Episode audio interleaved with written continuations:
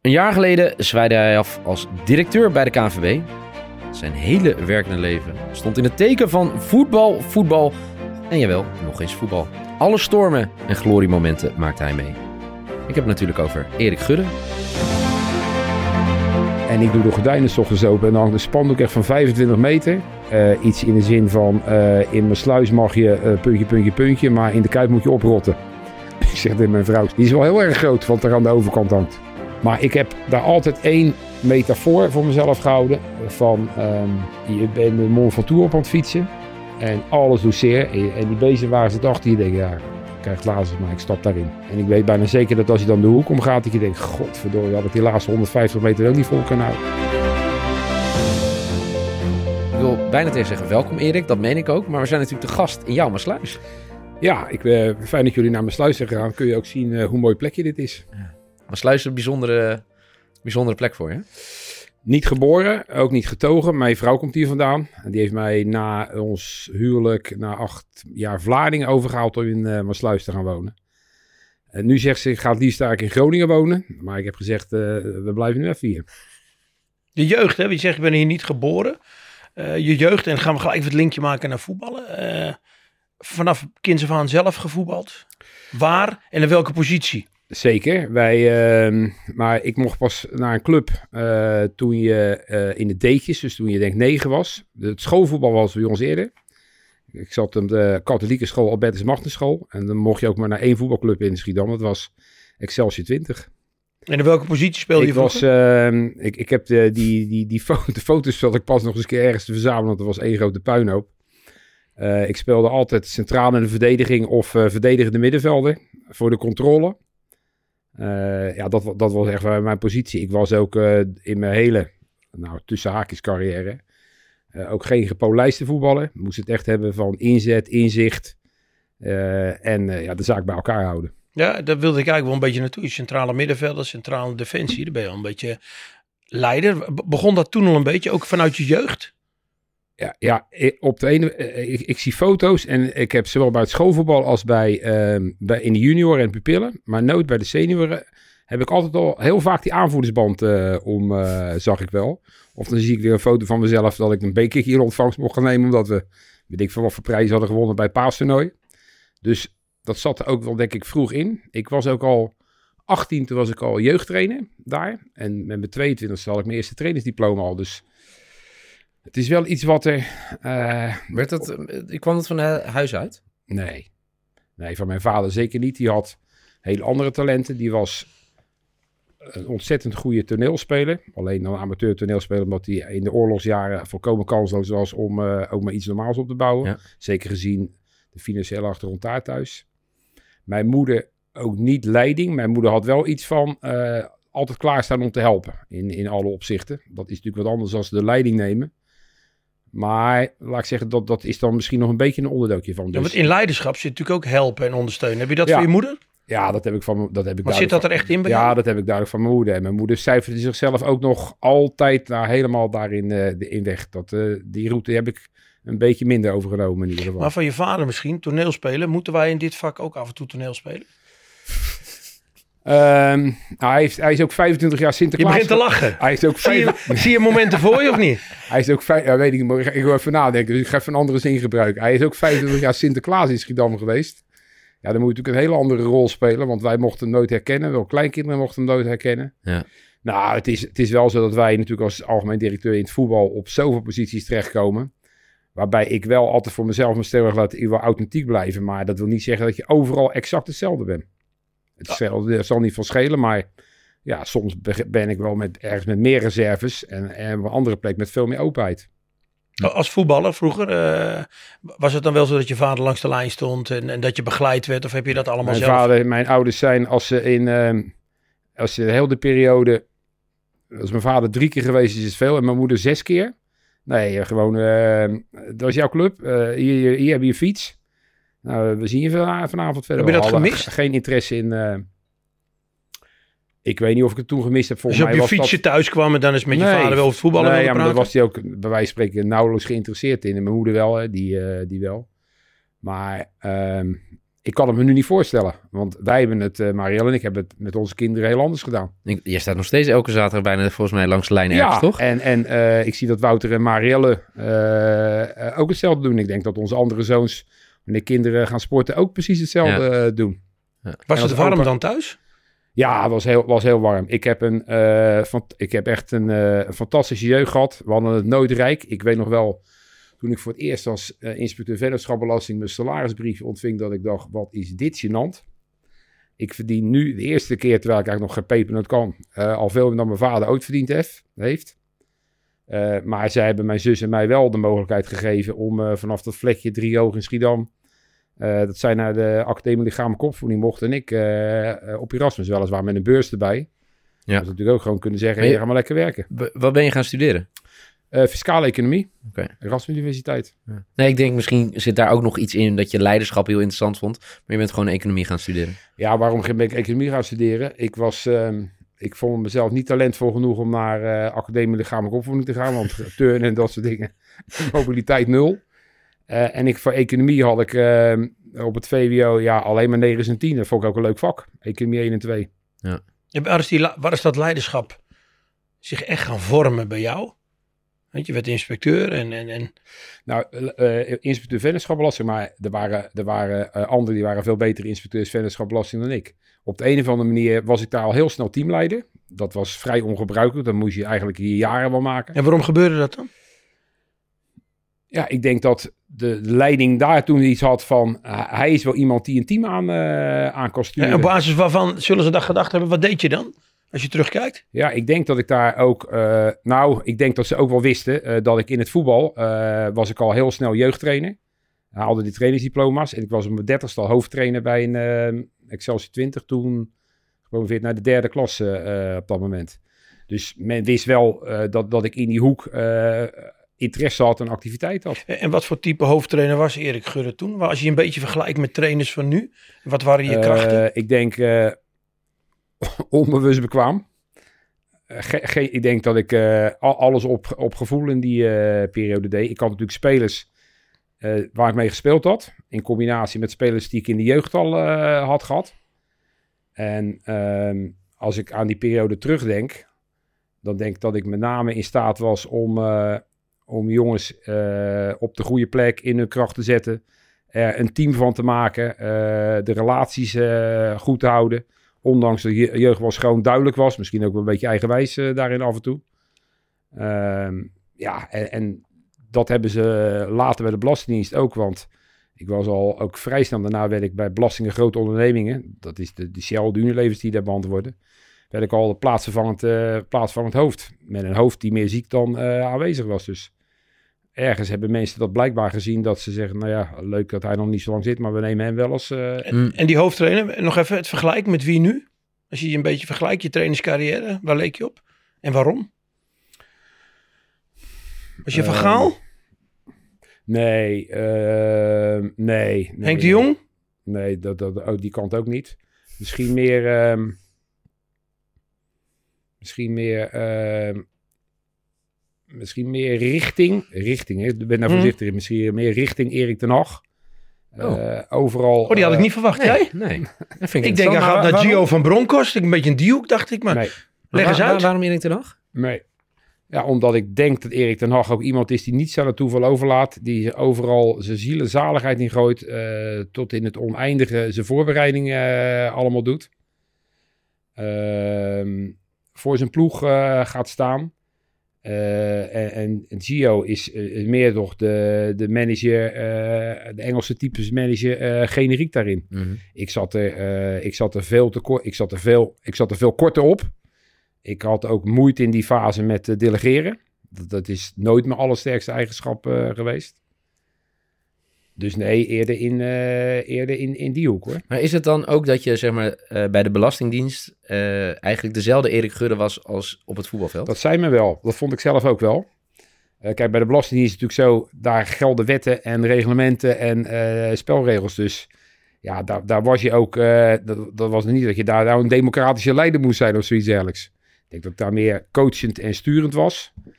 En dat sturen heb ik eh, eh, wel in de loop der tijd eh, is dat wat afgezakt. Maar dat zijn denk ik wel altijd de elementen geweest. Hm. Maar in zo'n zo'n baan ja, ben je wel iets anders bezig als dan bij een KVB of bij Feyenoord.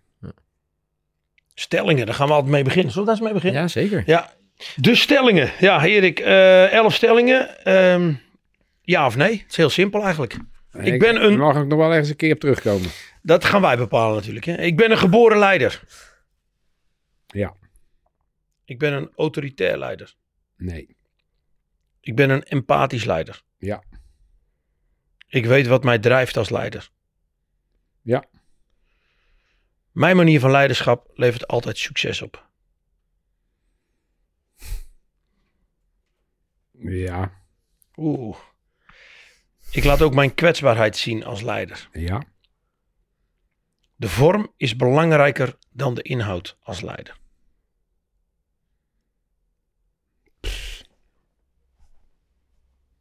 Geworden, zeg ik er dan achter.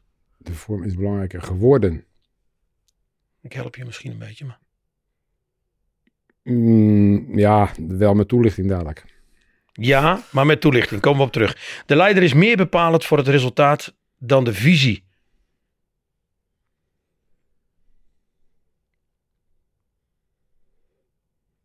Ja. Mijn leiderschap heeft impact gehad. Ja. Als ik premier van Nederland zou, was, zou ik het heel anders doen.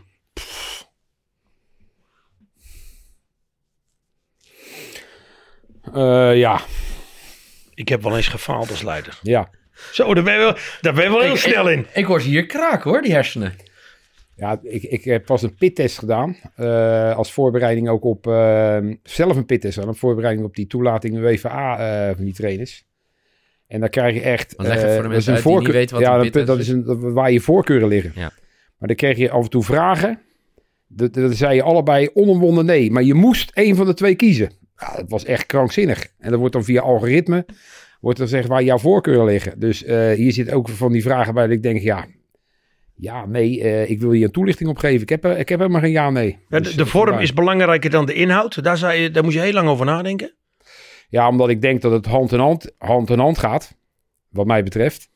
Maar ja, jullie stellen hem zodanig dat ik moet kiezen. Nou, Ja. Dat vind ik dus gewoon lastig. Maar toen zei je eigenlijk ja, dat de vorm belangrijker Ja, omdat is. jij het woordje geworden. Ja? Hè, dus eh, helaas is alles wat er omheen gebeurt eh, tegenwoordig... eh, lijkt wel of dat meer waar naartoe gerecht wordt als, eh, als, als de goede inhoud. Hoeveel last heb je daar zeg maar de laatste tien jaar van je carrière dan van gehad? Nou ja, één voorbeeld weten jij en ik a- allebei. Eh, bijvoorbeeld eh, de beslissing om eh Cambuur en de Graafschap eh, niet te laten promoveren en RKC in Den Haag niet te laten degraderen. Ehm, dat was inhoudelijk volgens mij en nog steeds, zie ik ook gezien de reglementen die laten komen, uitstekende beslissing. Het was qua communicatie heel slecht. Mhm.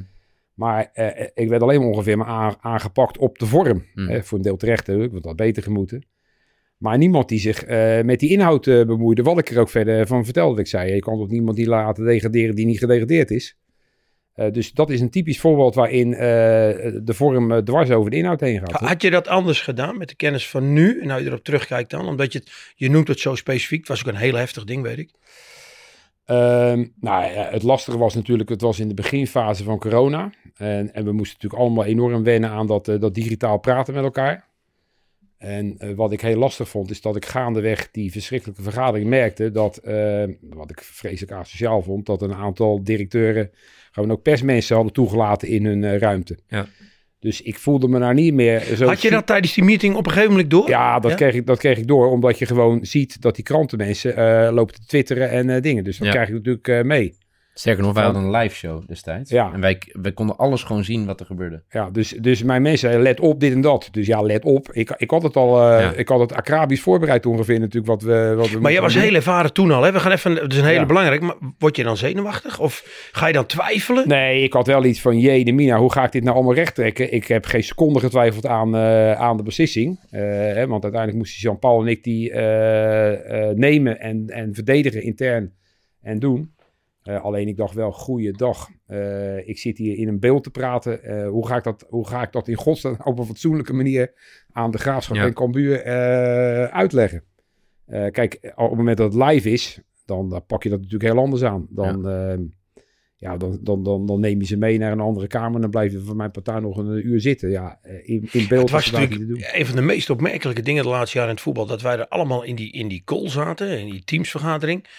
En toen ging het even op zwart. Toen gingen jullie het terugtrekken. Ja. En toen moest het zwaard van Damocles gaan vallen. Neem ons eens mee. Hoe heb je dat met Jean-Paul dan? Waren jullie met elkaar? Dan ga je discussiëren. We hadden allemaal een beetje gestemd noemen. Neem ons eens mee hoe het zweet op je voorhoofd stond. Of juist niet. Of Nee. Nee, want we hadden dat wel goed voorbereid. Eh, in die zin eh, dat we eh, wisten dat er een stemming zou komen. Ehm, waar we wat, we, wat we wat hadden wel hadden voorbereid, maar niet hadden gedacht, is dat er zoveel mensen eh, een onthouding zouden doen. Mhm. Eh, want ik dacht van ja, als ik directeur ben, maar dat is een beetje een foute gedachte dan, dan beslis ik, dan zeg ik ja of nee. Dat is heel duidelijk.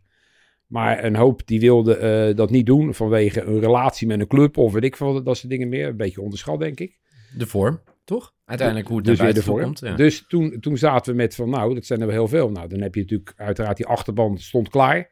Met advocaten van, eh, hoe moeten we dit interpreteren? er werd veel gelobbyd. ADO was het lobby, had een advocaat ja, bij maar dit- iedereen. ik had, die, ik had, wat ik allemaal aan brieven en dingen had gehad, maar die had ik allemaal rechts en links van me gelegd. Dat, eh, Daar heb ik me niet door willen laten beïnvloeden. Eh, en toen eh, hebben we gezegd, nou ja, we moeten luisteren. Ehm, Oké, als het ad- advies van de advocaat is, dan moet je nu zelf de beslissing nemen gezien het aantal onderhoudingen. Dan was het niet zo moeilijk om een beslissing te nemen, want die hadden we aan de voorkant genomen. Als het dat en dat percentage was, dan, eh, dan, Hmm. dan was dat de, de keuze. Ja, dan krijg je nog wel, jezus mina, hoe gaat het vallen? En hoe gaan we dat in godsnaam, die boodschap, eh, brengen bij degene die geen feest kunnen vieren? Ja, nou ja, goed, dat, dat werd natuurlijk eh, enorm lastig. En daar duikt dan iedereen natuurlijk een keertje op. Maar ja, voor mij was het allerbelangrijkste om de inhoudelijke beslissing goed gedocumenteerd te vertellen. Ja, en de emotie eromheen, ja, die heb ik in ieder geval niet kunnen, Schreeuwende kunnen mensen sturen. in de Ben je ervan geschrokken wat er daarna gebeurd is? En ook rond jouw persoon en on- rondom je leiderschap. En Ja, hoe je dat kijk, gedaan had? ja, want dan, ehm, ja, dan, dan, dan wordt er natuurlijk van alles over je geroepen door toezichthouders en weet ik veel wat meer. Eh, dan, dan krijg je er ook weer van, ja, we hebben toch de bewaking maar opgeschaald. Thuis in Zeist Nee en in Zeist. Eh, diezelfde dag? Diezelfde avond. Maar op voorspraak van jezelf of op voorspraak Nee, van dat, dat, instanties? regelen, dat regelen dan de veiligheidsmensen om je heen. eh, ik heb helemaal nergens om gevraagd. Ja, het ging natuurlijk om het kampioenschap bovenin ging het. ja, Het ja, ging om ja. het Europees voetbal van Utrecht, weet ik ook nog in die tijd. En Ja. natuurlijk aan de onderkant. Eh, en AZ, die Ja. vond dat ze op basis van twee keer waren gewonnen van Ajax eerste waren geworden. Een regel die nog nooit in de Nederlandse voetbal is toegepast. Dus dat was voor mij helder. De situatie Utrecht was ook helder. Want eh, op dat moment van afbreken was het gewoon... kon geen bekerfinale gespeeld worden. Willem II was eh, die plek. Wat natuurlijk weer dubieus was, want Martin van Geel stap Willem II was mijn oude compaan bij, eh, bij Feyenoord. En dan die eerste divisie en de eredivisie, die natuurlijk een redelijke voorsprong hadden. Typisch was natuurlijk altijd, ja, daarna de Graafschap dezelfde voorsprong had. En met het afmaken van de competitie wel verloor. Dus eh, zo, zo raar was mijn beslissing ook nog niet. Maar het was natuurlijk een hele hectische situatie. Heb je dat die- persoonlijk gevoeld? Want het werd wel persoonlijk gespeeld. Ja, tuurlijk. Het ging Ik bedoel, je, keihard. hebt, je hebt wel iets van... eh, eh, maar ik heb mezelf in die situatie altijd voorgehouden van... ehm, goed, ja, dat zijn nou helemaal de emoties. Maar als ik in de spiegel kijk... Ja. dan had ik eh, de rest van mijn leven er last van gehad... dat ik iemand had laten degraderen... die niet gedegradeerd was. Voor mij, in mijn ogen kon dat helemaal niet. Wie waren je raadgevers tot, eh, voorafgaande aan dit besluit bij jou? Met wie schakel je? Nou, we hebben de, de verplichting dat je met eh, directeur ECV, eh, Jan de Jong Ja. toen, en met eh, directeur CD, ehm, Mark, Mark Boelen, daar, daar praat je mee. Nou, verder zitten natuurlijk mensen direct in je omgeving. Maar het kan, kan het ook zijn dat je schakelt met mensen buiten het voetbal? Waar het zeg maar jeugdvrienden of mensen waar je altijd al... Ja, dat vond ik echt levensgevaarlijk in die situatie. Dus dat heb je hier dus niet gedaan? Nee, ik heb me aan de spelregels gehouden van eh, collegiaal contact met ECV en CED. Voorleg aan de Raad van Commissarissen. En de, de bestuur betaald voetbal, Jean-Paul Decosson ondergetekende. Ja. Die moeten de beslissing nemen. Kom je nu nog wel eens mensen tegen die, eh, waarvan je nog steeds het gevoel hebt, die kijken me nog steeds scheef aan? Jouw, jouw oude vriend, toch? Nee, nou ja, goed, weet je, je Nou weet ja, nog, je weet Frans ja, heeft natuurlijk veel gezegd en er zijn wel meer ja, clubs. nee, die eh bedoel, eh, Frans van Zeumeren, die... eh, Nee, die weigeren nog steeds een hand te geven, toch? ja, nee, dat, dat denk ik wel. Ja. Dat hij dat... eh, dat Nog steeds, hij- ah, dat is niks voor Frans. Als jij volgende keer langskomt, dan geef nou, je dat zou een mij, hand. zou mij verbazen. Bij, eh, Maar doet dat er wat met je als het zo hard Nee, gespeeld wordt? Nee, goed. Als je, dat, kijk, ik, je kan ook handelen zoals Arte Graaf. Super teleurgesteld, maar super professioneel. Eh, maar goed, ja, daarna moest ik de kampioensbeker eh, schaal uitreiken aan Cambuur. En dat dreigde thuis te gebeuren. Het werd uiteindelijk bij AZ. Nou ja, toen heeft Henk de Jong natuurlijk geroepen, hij is hier niet welkom. En ook niet veilig ook. Ja, nou ja, dus dan zit je daar weer in zo'n situatie Maar wat mee. doet dat met je? Nou, dan denk je, jee, Mina, hoe gaan we dat? Ja, ik denk, ik ga sowieso naar Cambuur toe. Je had gegaan als het daar had... Ja, eh, maar ik, eh, met Nico-Jan Hoogma, die zei, ik ga met je mee, want ik laat je niet alleen gaan. Maar we zaten wel even te kijken, hoe moeten we dat in godsnaam doen? Cambuur is niet altijd het makkelijkste stadion om er te komen en weg te gaan. Kijk, dat uitfluiten, daar ben ik wel aan gewend. Want ik heb Ja. elke KNVB-bekerfinale, elke Johan Cruijffschaal. En dan de prijzen worden uitgereikt door de directeur betaald voetbal, Erik Gudde. Nou, dan krijg je een daverend fluitconcert, ook in de Kuip, overal. Maakt allemaal niet uit. Hoe is dat de eerste keer? Want je bent er nu aan gewend. Maar de eerste keer dat je door Ja. 50.000 man wordt uitgefloten. Dan denk je, dat zal toch niet waar zijn? Maar de volgende keer zeg ik van eh, tegen mijn ding, let op hè, er komt daar een gigantisch fluitsignaal. Ja, Maar de eerste keer lijkt me dat heel raar. Ja, ik denk, heb jij het ooit meegemaakt? Ja, ik zat ooit een keer op de tribune toen wij eh, tegen die Luxemburgers die Verdange thuis verloren met Utrecht in de beker. En toen, toen zat ik naast mijn vrouw, mijn schoonouders zaten er ook bij. Toen zeiden ze, wat zijn ze nou aan het zingen van de Bunnik-site? Ik zei, nou, ze zingen nu dat waarschijnlijk op moet rotten. Ja. ja, dat weet je bij ons. Maar jij hebt dat natuurlijk, kijk, daar zitten we gelijk bij dat punt, maar nog wel erger meegemaakt, Erik. Bij Feyenoord, wat denk je wat je daar overkomen is? ja dat begon toen in een, eh, dat kan ik me nog goed herinneren. Ehm, er waren, dat was in het seizoen dat eh, Ronald Koeman, eh, dat Mario, even kijken hoor, Mario Been. Weggestemd werd? Toen hebben we natuurlijk even twee, drie weken eh, aan het zoeken geweest. Ma- Mag je, mag je daar heel iets? over vragen? Dat, dat- ik ben dus heel benieuwd hoe jij daar, zeg maar, eh, wist je dat van tevoren dat die, dat die groep ging stemmen? Nee. Maar dan hoor je op een gegeven moment, Erik, we hebben een stemming gehad. Ja, nee, dat, ik heb dat, ik heb dat eh, de- toen heb ik ook tegen mezelf gezegd, vanaf nu zit ik veel korter op dat eerste helft. Dat gaat me dus niet nog een keer gebeuren. Nee. Ehm, Weet je het nog? Wat er gebeurde in de Ja, ja, ja, trainingskamp? trainingskamp. Ja, in Eh, het trainingskamp in, eh, ergens in Gelderland, Ja. eh, daar zo.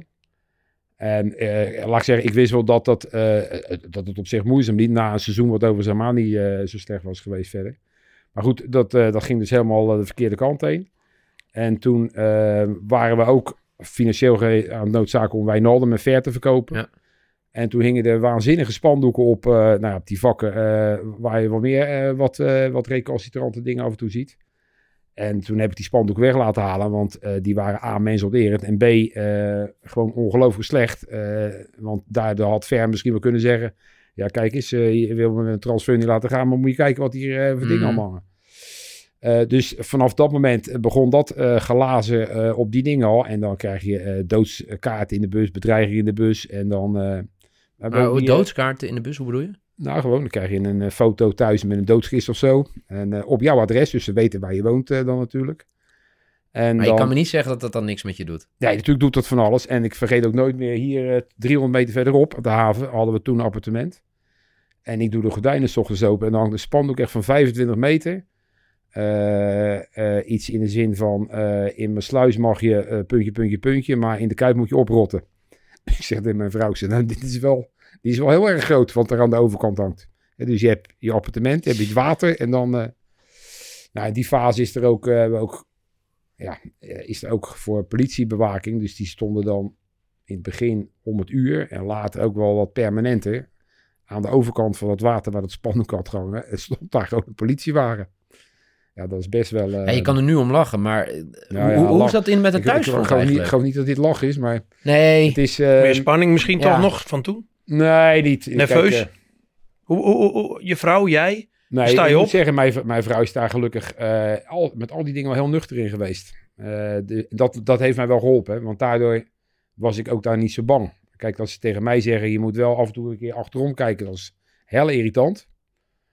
Eh, Heb je dat gedaan in die tijd? Af en toe achterom kijken? Ja, Weet je nog plekken waar je liep en dat je ja, denkt nee, van ja, dat doe je wel eens in je auto stapt en, eh, en, en waar je je auto neerzet en eh, in die fase. Eh, maar ik vond het, dat kwam gelukkig niet. Maar ik had het het vervelendste gevonden als het richting mijn kinderen was gegaan. Ik denk dat dat ook de grensoverschrijdend was. Is dat nooit gebeurd? Nee, dat is nooit gebeurd. Hoe, hoe dichtbij is het gekomen?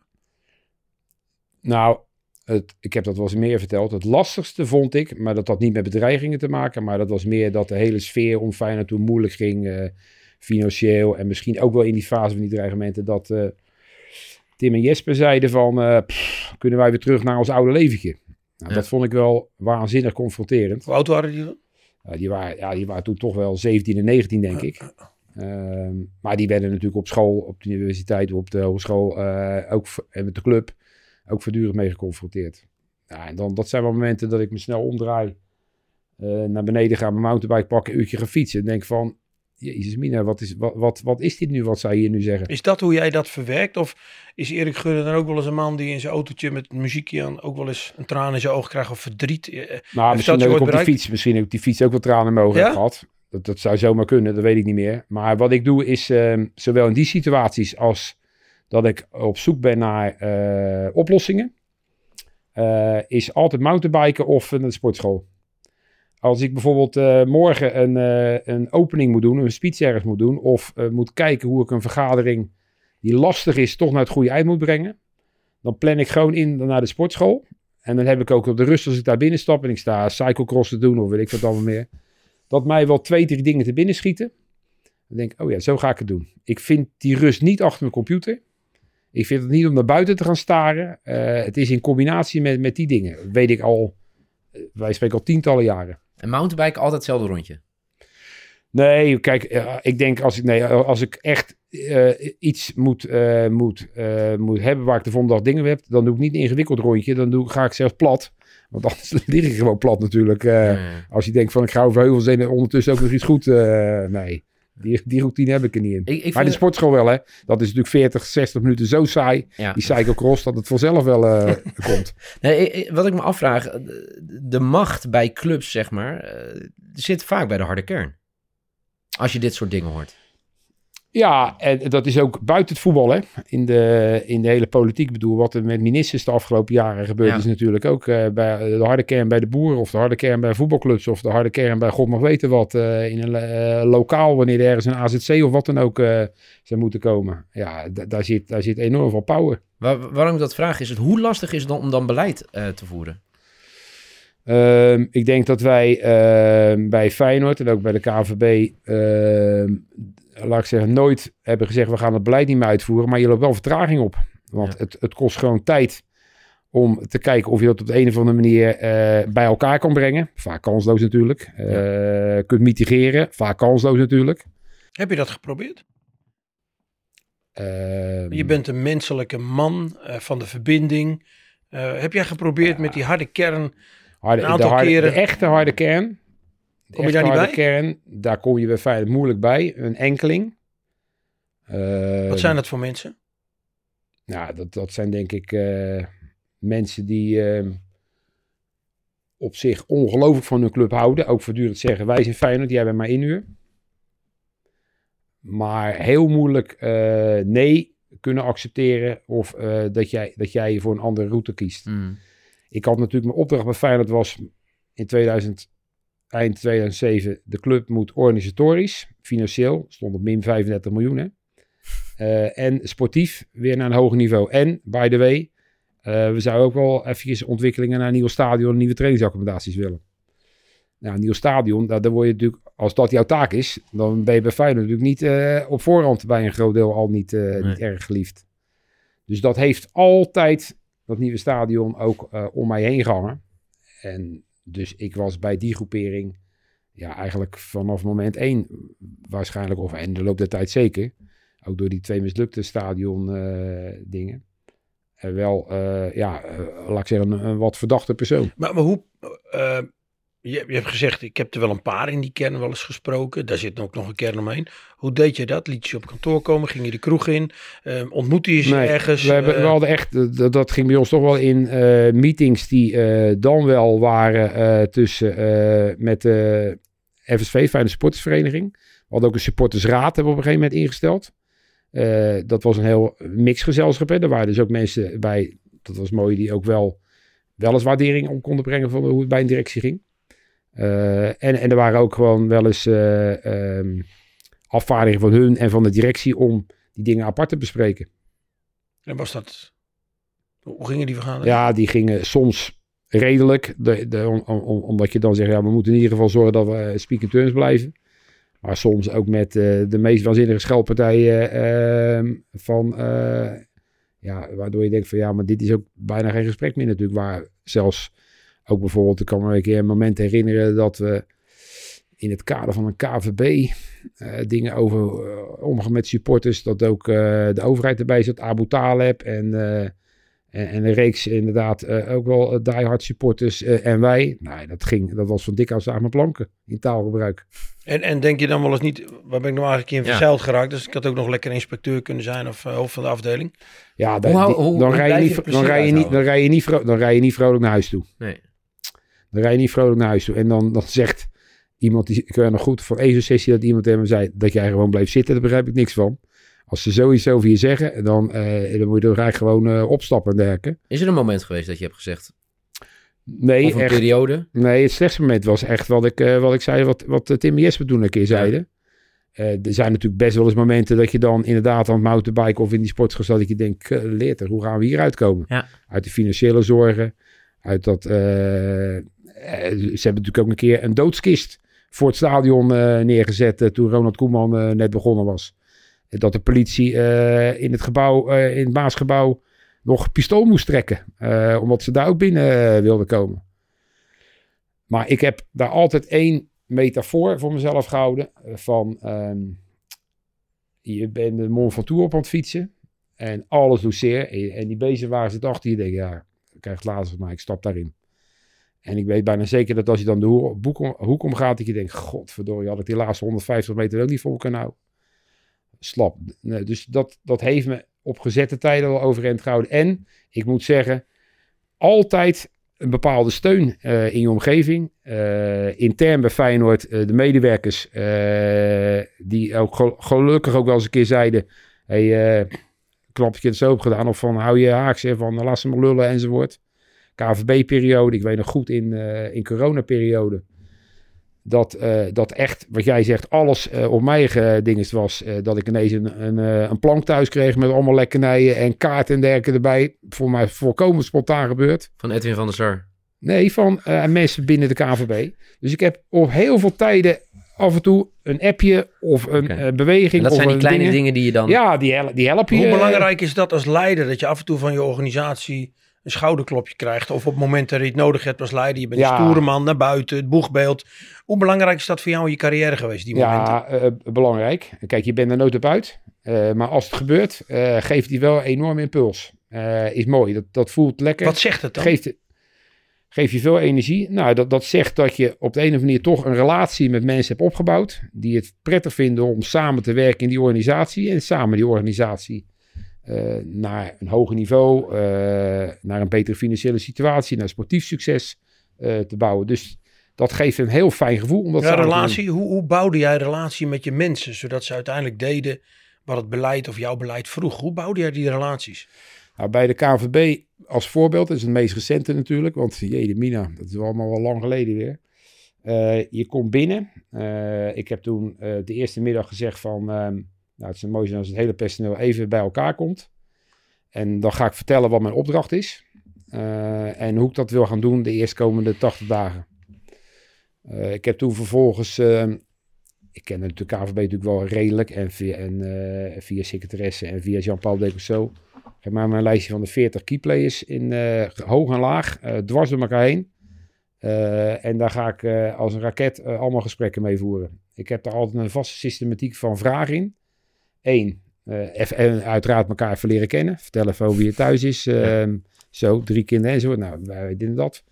En dan, joh, ik heb eh, eigenlijk maar één vraag aan jou. Noem nou eens drie dingen. Als jij directeur zou zijn, noem jij nou eens drie dingen eh, die, waar ik absoluut met mijn fikker vanaf wil blijven, die gewoon, ze moeten blijven als ze zijn, want dat is hartstikke goed organisatie. Mhm. Maar noem ook eens drie dingen die morgen anders moeten. Nou, dan kan ik achterover gaan zitten. Dan zijn ze 50 minuten aan het woord.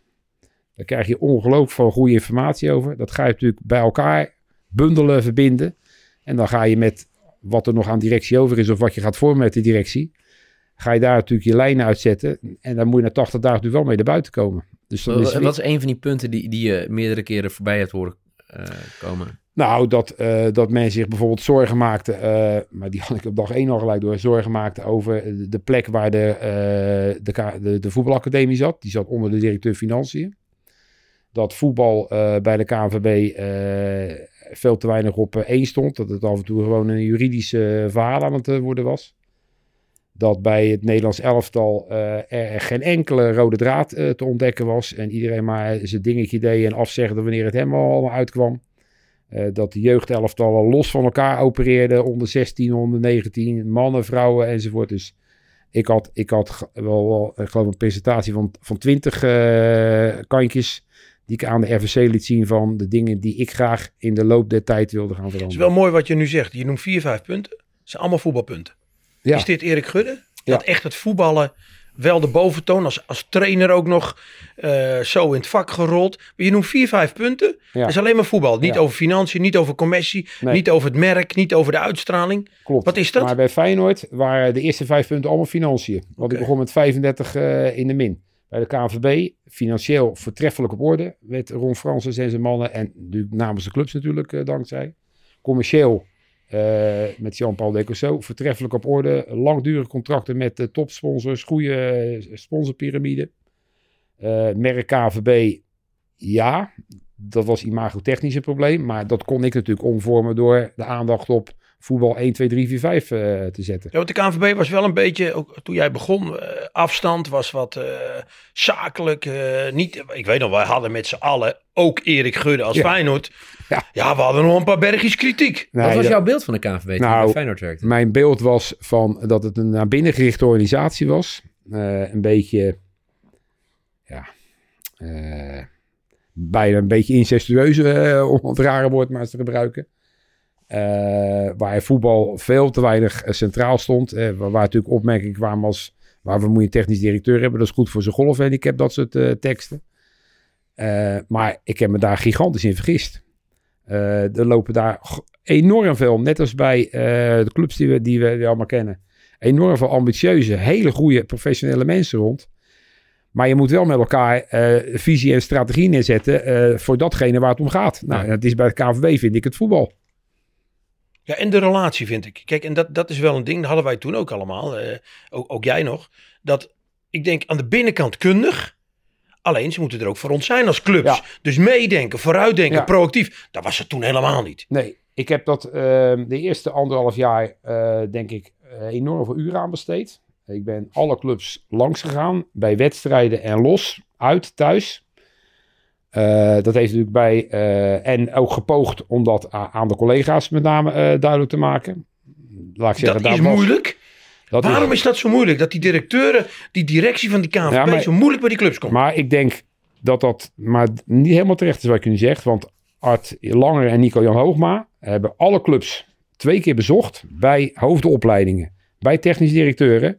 Met name om die onder 21 competitie onder de aandacht te brengen. Waar uiteindelijk 32, behalve PSV en Ajax, van de 34 clubs het over eens waren. Dus ik denk wel degelijk dat we wat dat betreft op de goede weg waren. Die, die zijn echt veel geweest. Alleen ik denk dat de KNVB met zoveel kennis en kunde hè, op finance, op competitiezaken. En ik zie, het is bij jou begonnen, maar die kentering is lopende hè, nog steeds. ja. Maar het was net Nee. een beetje naar binnen gericht. En hoe Kijk, ga je dat openmaken als leider? Nee, klopt. Ik denk dat Ron Francis en Jean-Paul Decousseau eh niet degene zijn die à la eh, Art, Nico Jan ondergetekende naar de clubs eh, toe gaan. Die, die- Dat is jammer eigenlijk. Ja. Heb je dat eh, wel eens tegen hun gezegd? Ja, zeker. Want Want dat zijn specialisten. sterker nog, ik heb Jean-Paul gezegd, ik heb twee clubs die hebben nu echt behoefte aan eh, jouw commerciële eh, klankbord een keer. En ik heb talloze clubs het nummer van Ron Frans gegeven, waardoor ze met hun problemen daar, daar terecht gingen Mhm. komen. De truc is natuurlijk eigenlijk dat het andersom moet zijn, wat je graag wil. En waarom heb je dat als leider, of deels, of misschien niet voor elkaar gekregen? Waar zit hem dat in? Nou, ik denk dat we redelijk op weg waren, maar dat corona eh, wat dat betreft daarna gelijk ook waanzinnig verroet in het eten heeft gegooid. Want alle contacten die ik met jullie aan het opbouwen was of weer een keer wilde komen, ja, dat werden natuurlijk allemaal die vervelende televisiemomenten bij elkaar. En het laatste jaar dat ik er was, was het natuurlijk mondjesmaat wel, wel niet, wel niet, wel voetballen, niet voetballen. Eh, en had ik natuurlijk gigantisch veel uren moest ik besteden aan de overheid om gelden eh, binnen te slopen en weet ik veel allemaal Ja. meer. En stadions weer vol te krijgen. Eh, dus ja, ik had daar wel graag nog twee jaar aan vastgepind met dezelfde equipe. Maar goed, die ging, eh, Art ging ook alweer weg. Om in ieder geval te proberen dat pre-corona dingen wat verder door te trekken, want dat is wel nodig. Vind, vind je dat je periode bij de KNVB geslaagd is? Dat je er alles uit hebt gehaald met kennis en kunde die je in je had? Nee, en dat is. ehm, nee, we- nee, we waren goed op weg. Ehm, maar eh, in corona is het stil blijven zitten. CQ eh, voor een deel eh, wellicht achteruit gegaan. En ook misschien door dat hele verhaal een beetje beschadigd? Ik, eh, voor, er waren natuurlijk mensen, eh, met name de benadeelde clubs. Waar ik volgens mij, dat, dat is eigenlijk nog wel het meest typerende, waar ik best een goede relatie mee had, dacht ik Hmm. persoonlijk. Maar door die beslissingen, dat die relatie eh, behoorlijk om zeep is geholpen. Heb je dat pijn gedaan dat dat eigenlijk een beetje is blijven hangen aan het eind van je... Je was toch een mooi afsluiten van je carrière en Ja, dat dat zo goed. lastig gegaan Ik, is. ik, heb, ik heb toen ik wegging 34 directeuren, eh, want ik had daar geen behoefte aan een afscheidsreceptie, dat vind ik allemaal zo ons. Ik heb 34 directeuren, moet je ook maar weten, een, eh, een mail gestuurd. Maar, maar ook naar AZ, ook naar Utrecht. Eh, en ze waren alle 34 anders. Die, eh, er zaten natuurlijk wel dezelfde zinnen af en toe in. Maar alle anders. Nou ja, eh, van de meeste krijg je een, eh, een hartstikke leuke e-mail terug, maar van sommigen ook niet. Ja, je hoeft niet te raden eh, uit welke hoek ze Nee, maar jij bent een mens. Weet dat je. raakt bent je een- wel, Ja, ik. wou net zeggen. Nee, tuurlijk, dat is, dan denk ik van, nou, dat, dat, dat vind ik toch jammer. Ja. Wat Doe je dan nu dan eigenlijk, als je nu die persoon weer tegen zou komen, ben jij dan de persoon die dan op die persoon afstaft of laat je het? Dat is toevallig wederzijds. Ik kwam, eh, kijk, met AZ hebben we natuurlijk best wel veel, eh, veel woorden gehad. En ze hebben zelfs Zeker. een, zo'n Zuidas eh, advocaat op me afgestuurd. Die Zeker. De Rocky Balboa van de Zuidas, wie kent hem niet? Ongekend. ik heb zelden zoveel, Ik ben- ik onzin, ben benieuwd of AZ daar ook nog steeds heel op, met veel plezier terug op zoveel onzin op papier bij elkaar gezien. Nou ja, Ehm, dan delen we die mening, Erik. ja, maar ehm, eh, nee, ik kwam Robert pas tegen bij Groningen AZ. Ja. En eh, nee, buitengewoon prettig eh, gesprek gehad. Niks aan de hand. Eh, gewoon, joh, gaat het en hoe is het? Even Fijn terug onderling net. ook, hè? Nou, maar ik wil net nog even terug. Want ik, ik zag je wel betrekken dat je van Ja. sommige mensen dan niks terug had of zo. En ik ken je als mens. eh, je kan ook echt fel zijn, noem maar op. Maar dan zie ik toch wel aan je gezicht dat dat je wat doet als mens. Ja, aan het eind van je carrière, mensen waar je zo lang Ja. mee gewerkt hebt. En die, natuurlijk, die zijn in hun ogen ook vernederd door jou, hè, door wat er gebeurd is. Maar stelt het je dan toch echt wel als mens teleur? Ja, stel je als mens wel teleur. Tegelijkertijd denk ik van ja, joh, maar eh, eh, Erik heb nou niet de naïeve illusie eh, dat je met iedereen. kijk, ik, ik kwam van de week weer bij de KNVB voor twee, drie afspraken. Dat voelt als een warm bad. Het is nog relatief kort geleden. Dan kom je weer 20, 30 mensen tegen. En eh, de manier waarop je dan weer even met elkaar in gesprek raakt, dat raakt me in de, in de goede zin. Mhm. Dat was bij Feyenoord het eerste anderhalf jaar ook. Er is inmiddels zoveel gemuteerd dat, dat ik niet eens weet als ik binnenkom of iedereen me, eh, wie man me daar nog kent. Maar eh, het raakt me dus op het moment dat je binnenkomt en denkt van... Goh, dat, we hebben wel een mooie tijd gehad met elkaar. Hè? Zoals het me aan de andere kant ook raakt. Ja, wanneer je in de meest professionele wijze toch een aantal beslissingen moet nemen... die dan slecht uitgevallen zijn. Ja, dat dit dan de respons is. Maar die heb ik uiteindelijk na een eerste teleurstelling... accepteer ik die als van Ja. ja, that's life. Eh, zowel bij Feyenoord als bij Oranje draait het natuurlijk om het vlaggenschip. Je hebt door de jaren heen verschillende mensen aangesteld. eh, wel eens mensen moeten ontslaan of op non-actief moeten zetten. Als je terugkijkt naar die periodes als leider, hoe, hoe, hoe kijk je daarop terug waarvan je denkt, ja, dat heb ik echt goed aangepakt. Toen wist ik gelijk, toen ik in gesprek raakte met die persoon, dat heb ik goed aangepakt. En waarvan je denkt later, ja, dit heb ik gewoon echt niet goed gedaan. Eh, ik denk dat, eh hebben Nico Jan Hoogma en ik het nog wel eens over. En ik vind- ben er wat harder in voor, ons, voor mezelf als, als Nico Jan. Maar ehm, ja, de keuze van Frank de Boer is niet goed uitgevallen natuurlijk. Nee.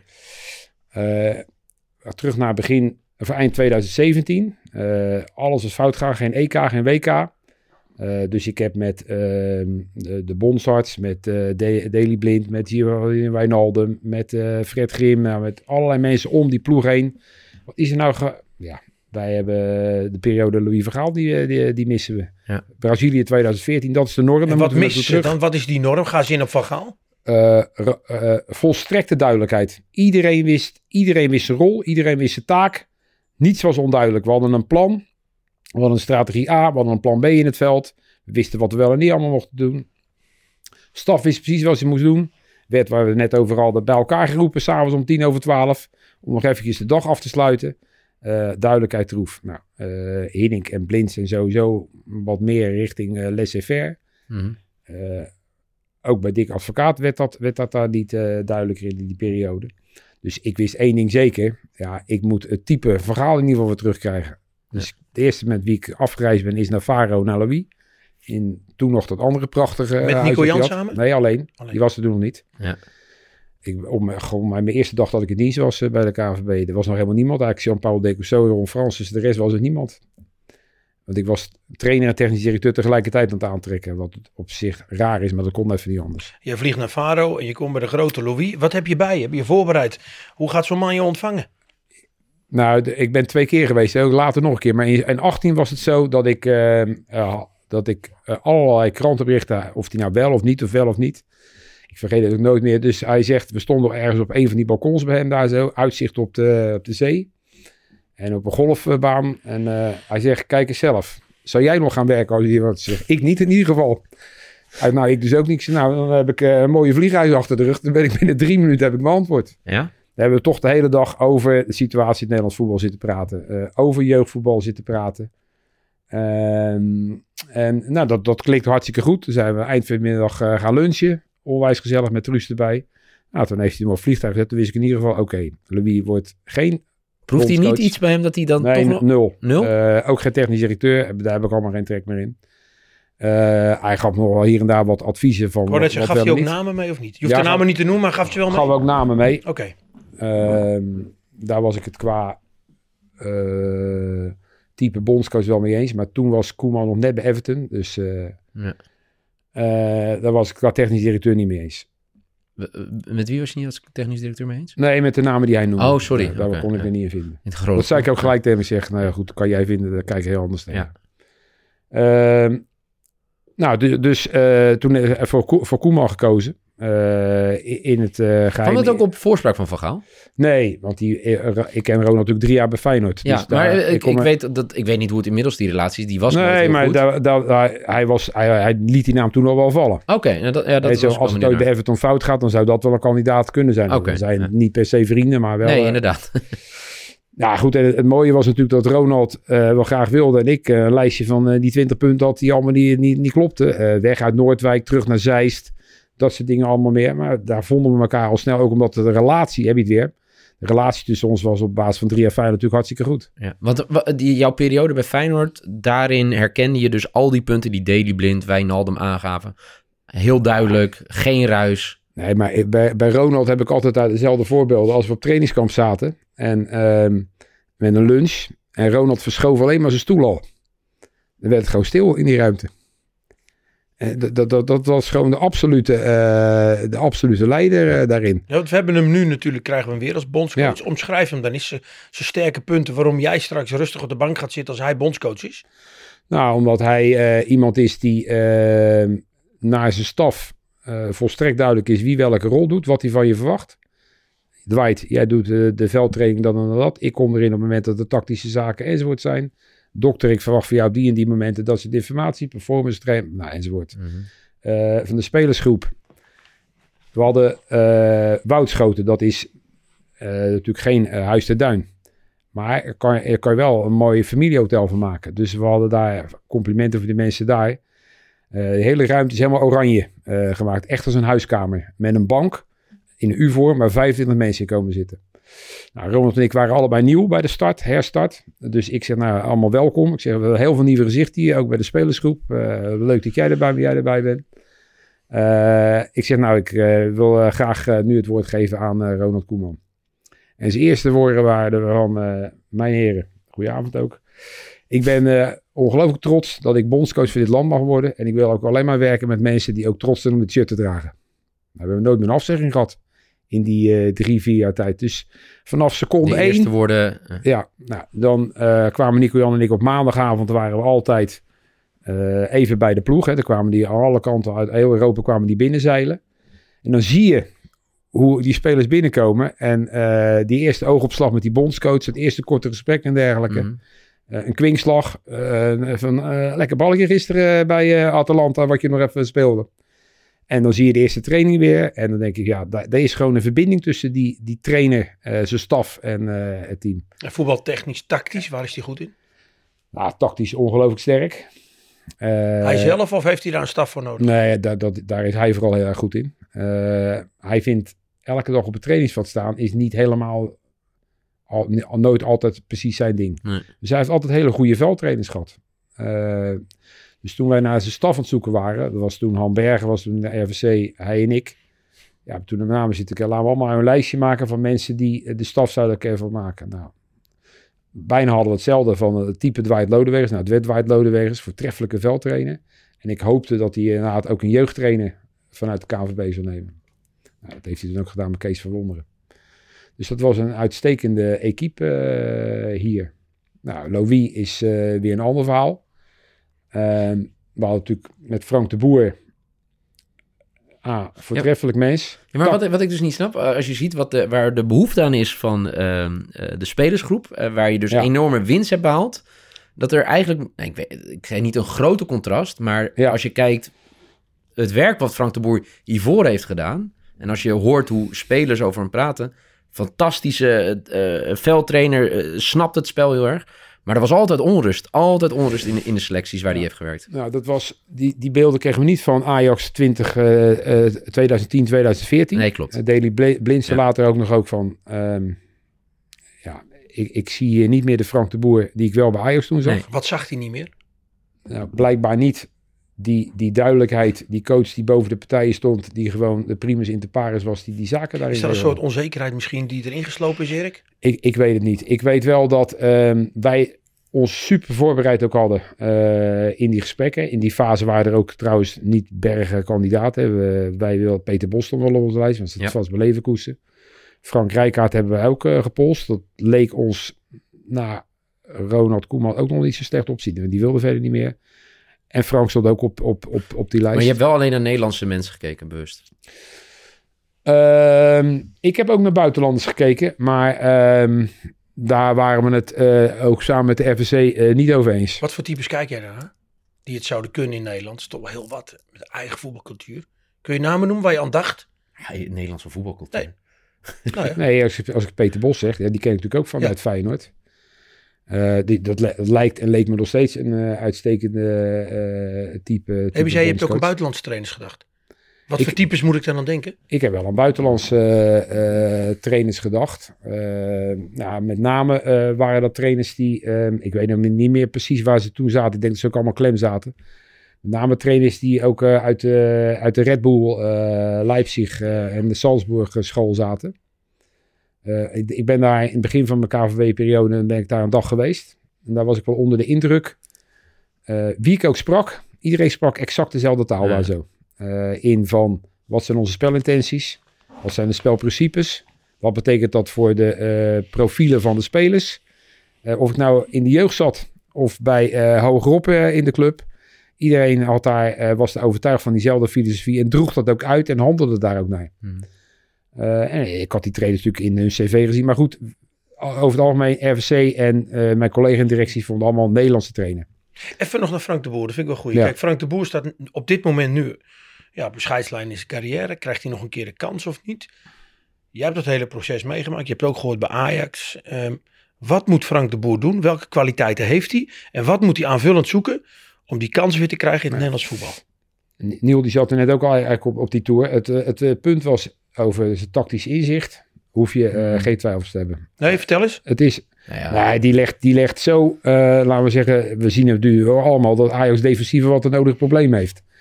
Nou, uh, dat, dat kan je haar even uitleggen. Wij speelden toen met één wedstrijd met Dwight Lodewegers tegen Italië 0-1. En toen gingen we ook met die, die linkervleugelverdediger die als een raket elke keer opkwam. Wat, wat uh, onder, de, onder Dwight toen totaal niet goed op. Legde die haar van uit hoe je dat wel even iets op kon lossen. Ze hadden nog meer van die dingen. Dus we hebben daar twee keer vier uur gesproken. Dat wij dachten, ja dat is goed. Ook, waarom is er misgegaan bij Inter Milaan? Waarom is het misgegaan bij uh, Crystal Palace? Wat is er nou bij uh, Atlanta gebeurd aan derken? Toen was onze conclusie. Ehm, totaal niet iemand geschikt voor het buitenland. door de taal, het vertrouwen. En kijk eens hier. allemaal mensen die hij kent. Een deel van de staf die hij van Ajax kent. Mm. Uh, in de gegeven situatie is dit voor ons echt de ideale oplossing. Het grote verschil tussen hem en Louis en uh, Ronald, is, die zijn veel uitgesprokener uh, in, zoals ik net uitlegde hoe Ronald dat deed, of hoe Louis dat doet, de, de leider van het eerste moment dat ze binnenkomen. Frank, ja, die, die, die is, is net een soort onderdeel van de spelersgroep. En staat daar veel minder, eh, minder boven. Misschien ook niet zozeer zijn karakter. Mhm. Hoewel sommigen zeiden, dat was hij wel in van 10 tot 14 eh, bij Ajax daarin. Zag je het al snel misgaan? Zeg maar voordat wij het doorzagen Nou, wij, hebben, wij hebben natuurlijk veel te weinig gezien. Want het was ook in de coronaperiode. Mhm. Het was een bubbel die ongelooflijk eh, klein gehouden werd. Of hoorde je het, zeg maar? Of voelde je het? Nee, ik weet, nog, ik weet nog wel dat ik toen toch naar ehm, Portugal ging naar het trainingskamp. Ja. Eh, Nico Jan zat in Hongarije met Jong Oranje. Eh, toen zei ik tegen Nico Jan... Ik weet het niet. Op zich er wordt verder goed getraind. Maar ik zou het toch wel fijn vinden dat jij ook die bubbel in gaat vanaf maandag als je terug bent. Want? Nou, ik zeg, ik wil weten. Ik wil, ik wil weten of, Maar je of, voelde mijn- dus wel iets. of, of, of, of ik het mis zit. Of dat ik het misschien toch goed heb. Ga jij Mm. er nou gewoon in. Dan, dan, dan kunnen we misschien hier en daar waar nodig. Weet ik niet. eh, nog wat, wat bijsturen. Ja. Nou ja, de dokter zegt, nou, ik vind het echt... Je moet, we moeten dat niet doen om reden A, B, C, D, weet ik wat allemaal meer en. Oké, dat hebben we toen gedaan. Dat zeggen we nu achteraf niet goed gedaan. Mm. We moeten doen. Of dat anders was geworden, weet ik niet. En we begonnen het EK gewoon goed hè, met 3 gespeeld 9. Qua resultaat zeker. Ja, nee, dus dat, dat verbloemt veel natuurlijk eh, altijd eh, daarin. Ja, goed, en als Malen over die voorbij Nee, dat- zo die is het. speler Dan gaat, kan je ook heel slecht 1-0 winnen. Maar wat, wat, ik, wat, wat- het, zegt dus iets, en dat komt door je ervaring, denk ik, als leider. Er klopt, er klopt iets niet voor je gevoel. Je, je wilt het eh, nog een keer testen. Nee, Dan zie je vervolgens de bekendmaking van de selectie, wat volkomen misgaat eh, met de persconferentie. Ja. Hè, we kunnen het hebben over vorm, over inhoud, maar het gaat Ja. gewoon niet goed. Het beeld waar heel Nederland al dacht, "Pff, is dit wel de bondscoach, wordt daar eigenlijk bevestigd. Hè? Een onzeker persoon die de onjuiste dingen op dat Ja. moment ja, vertelt. klopt. En, en onze denkfout is geweest dat we eh, daar waar die dan wellicht anders is in leiderschap, Mhm. dat je door een fantastische staf die we hebben, dat je, dat, dat toch wel gecompenseerd wordt. Nou, dat vind ik een denkfout die ik mezelf nog steeds kwalijk neem. Ja, hè, want die staf moet natuurlijk ook voorkomen dat de bondscoach met een eh, persconferentie dit doet of dat doet, of zo zegt of zo zegt. eh, Hoe, hoe, hoe ben je daarmee omgegaan? Dat was natuurlijk tenen krommend, die hele persconferentie. Daar viel ook heel Nederland weer. Maar uiteindelijk jouw verantwoordelijkheid. Jij bent de baas daar. Ja, Hoe ga je ermee om? Roep je dan ze dan na afloop bij je? Laat je het gaan? Laat je het smeulen? Denk je, ja. nee, ik heb Wat is ik jouw heb- leiderschap op dat moment? Ik, ik heb hem in trainingskamp eh, daarover gesproken op vijf meter van elkaar. oh ja, Want ja. die bubbel was natuurlijk, eh, daar moest ik me natuurlijk wel aan houden ook. eh. Maar is Erik, Erik Gudde dan boos? Eh, ga je dan de arm eromheen doen? Ben je hard op de inhoud? Nee, ik, dan, dan, is het meer, wat, dan is het meer van wat is hier nou gebeurd? En eh, ja, het is toch gebeurd, dus dat, dat neem je niet meer weg. Maar eh, hoe, hoe gaan we nu zorgen dat we, dat we hier op het veld uiteindelijk geen last meer van hebben? Dan zit ik gelijk in de, in de sfeer van de oplossing. Het heeft, in die fase had het voor mij weinig nut om eh, daar... nou, ik heb even mijn punt gemaakt. 1, 2, 3, dat is allemaal fout. Ja, dat weten ze allemaal wel dat het niet allemaal lekker ging. Kun je hard zijn? Kun je bikkelhard zijn? Ja, dat heb ik wel moeten zijn. eh met, Nee, niet alleen bij de KNVB, afscheid? Ja, nee, Ja. natuurlijk afscheid. eh we denken afscheid nemen van... eh, van- bij, eh Nederland zelf de afscheid moeten nemen van scouts. Van mensen die toch lang als Edward Metgod en, en Ron Spelbos. mensen die een directiefunctie hadden, niet meer een directiefunctie gehad. Bij Feyenoord mensen die, ik weet niet hoe lang al teammanager of wat dan ook waren. Afscheid van genomen. Om jeugdtrainers afscheid van genomen. Ja, die beslissingen we allemaal moeten nemen. Ja, probleem over mee gehad? Nou, ik eh, laat ik zeggen, in het begin, dat deed me als mens wel eh, last. Later, ik weet nog goed, toen het met Verbeek zo slecht ging, hè, dat, dat we die uiteindelijk eh, afscheid moesten nemen. Eh, toen zei Dick van Wel, fantastische raad van commissaris, voorzitter. Hij zegt, eh, dat, eh, je, je hebt er nog wel een beetje last van, hè? Ik zeg, ja, ik, zeg, ik, ik vind het gewoon uit menselijk oogpunt ook gewoon buitengewoon vervelend. Los van dat ik het... Hij zegt, eh, dat werkt in deze wereld niet zo. En ook in mijn wereld niet. Hij zegt, klaar, streep eronder, we gaan nu weer door. Een hoop van geleerd ook weer. Ja. Dus later heb ik, daar ook, heb ik dat ook inderdaad als steeds zakelijker gezien. Ja, dat is, het voelt, voelt best gek, maar wel steeds zakelijker. Eh, ben jij een leider dat als je een keuze maakt dat je erachter blijft staan en dat je dat blijft volgen, zeg maar? Of ben je, ben je, soepel daarin? Nee, ik, ik, denk dat een van de belangrijke zaken is dat je, eh, als je de zaak met elkaar geanalyseerd hebt en eh, je komt tot besluitvorming, dan, dan is die besluitvorming, die, is, die moet A, duidelijk, daadkrachtig zijn en goed gecommuniceerd worden. En dan ga je daarmee aan de slag. Ja. Alleen, ja, je kan onderweg natuurlijk wel tegenkomen eh, dat, dat daar toch wel wat haken in zitten, dat het gewoon niet klopt. Nee, waar ik eh, naartoe wil... eh, Heb je wel eens onder druk van media of andere externe factoren je beleid aangepast? Nee, omdat, tenminste, niet, dat gevoel heb ik niet. Omdat ik dan altijd weer zoiets heb van, als ik hier nu... Kijk, als ik, dat, dat voel ik gelijk van binnen. Als Mhm. ik denk in de besluitvorming, die beslissing, die gaat niet lekker voelen hoor. Nee. Dat, dat, dat, is echt, dat wordt echt een klote beslissing. Dan, dan durf ik mezelf niet meer in de spiegel aan te kijken, eh, zonder dat mijn ogen gaan knipperen. Dus Nee. ja, je neemt wel eens een keer beslissingen waarvan je al weet, nou ja, die zal niet overal even lekker vallen. Nee, ik moest aan jou denken, eh dat is denk ik twee weken geleden, over de One Love campagne Ja. binnen de KNVB. Nou, er is een duidelijk eh, beeld uitgestippeld. Na de eerste week is er best veel ophef over gekomen. En tot mijn verbazing zie ik dat de campagne wordt afgebroken en dat het niet meer wordt gedaan. Hoe kijk je daarnaar? Ja, het is lastig, want er belden wat journalisten bij u op. Die heb ik gezegd, ik geef, ik geef een commentaar op. Ja, maar kan ik er twee petten, kan twee petten mijn kijken. Eén is KNVB-directeur Ja, en en, twee is Feyenoord-directeur. Ja. Dat is een hele mooie, Erik, dit. En drie is... Ik zei net, Nou gaan we eens even die, beginnen. die journalisten die mij belden, zei ik van, ik ben weg bij Feyenoord. Ik ben weg bij de KNVB. Ik ga me op volgens niet in de problemen brengen Nee. met mijn standpunt daarin. Dit wordt over een paar weken uitgezonden, maar ga er nou eens boven hangen. Als leider. En wat zegt dit? Pet KNVB beginnen. Ehm, ik, eh, wat Dennis de Kloeze zei, dat snap ik wel. Eh, dat dat, dat, dat een, eh, een issue in de club is waar je dan over moet praten. Ja, Hmm. ik denk dat ik, ehm, zonder dat ik alle ins en outs ken, ik weet ook niet wat, hoe clubs naar de KNVB gereageerd hebben. Ik denk dat mijn eerste gevoel was geweest, we gaan ook die campagne in de laatste week gewoon doen. Mhm. Ja. Nee, Ja. ja, kijk, wat, en eh, dat is een, discussie die al honderd keer is gevoerd en dat soort dingen. Kijk, als je ergens voor staat, hè, als KNVB, je, Ja. bent een, hè, je bent de bond van iedereen. Hoe je eruit ziet, eh, wat je seksuele voorkeur Ja. is, wat je geslacht is. En je zegt, nou, dat, dat zijn wij als bond. Maar dan komt er ophef. Ja. Ja, ja ik, Nee, ik weet niet. Ik, heb- heb, jij ik- veel gedoe gehad bij NEC? Ik heb geen gedoe gehad, maar ik heb wel mijn mening erover gehad. En ik, ik had graag wel gezien dat we doorgezet hadden. We gaan niet zwichten voor één of twee. En om, eh, eh, laat dat stof maar opwaaien. en Laten we er maar een nou discussie goed, over krijgen. Maar ik- over ik jou, denk hè? zelfs goed dat het discussie is, ja. Maar over jou. Eh, eh, Las is jullie aanvoerder volgens mij. Toch? Bespreek je ook dat... Want da, da- weet je, bij Orkun Kutsu werd gezegd... Nou, over geloof en dat soort dingen. Maar is een aanvoerder voor een betaald voetbalorganisatie... ook laat, los van een leider op het veld... ook het uithangbord van de normen en waarden van een club?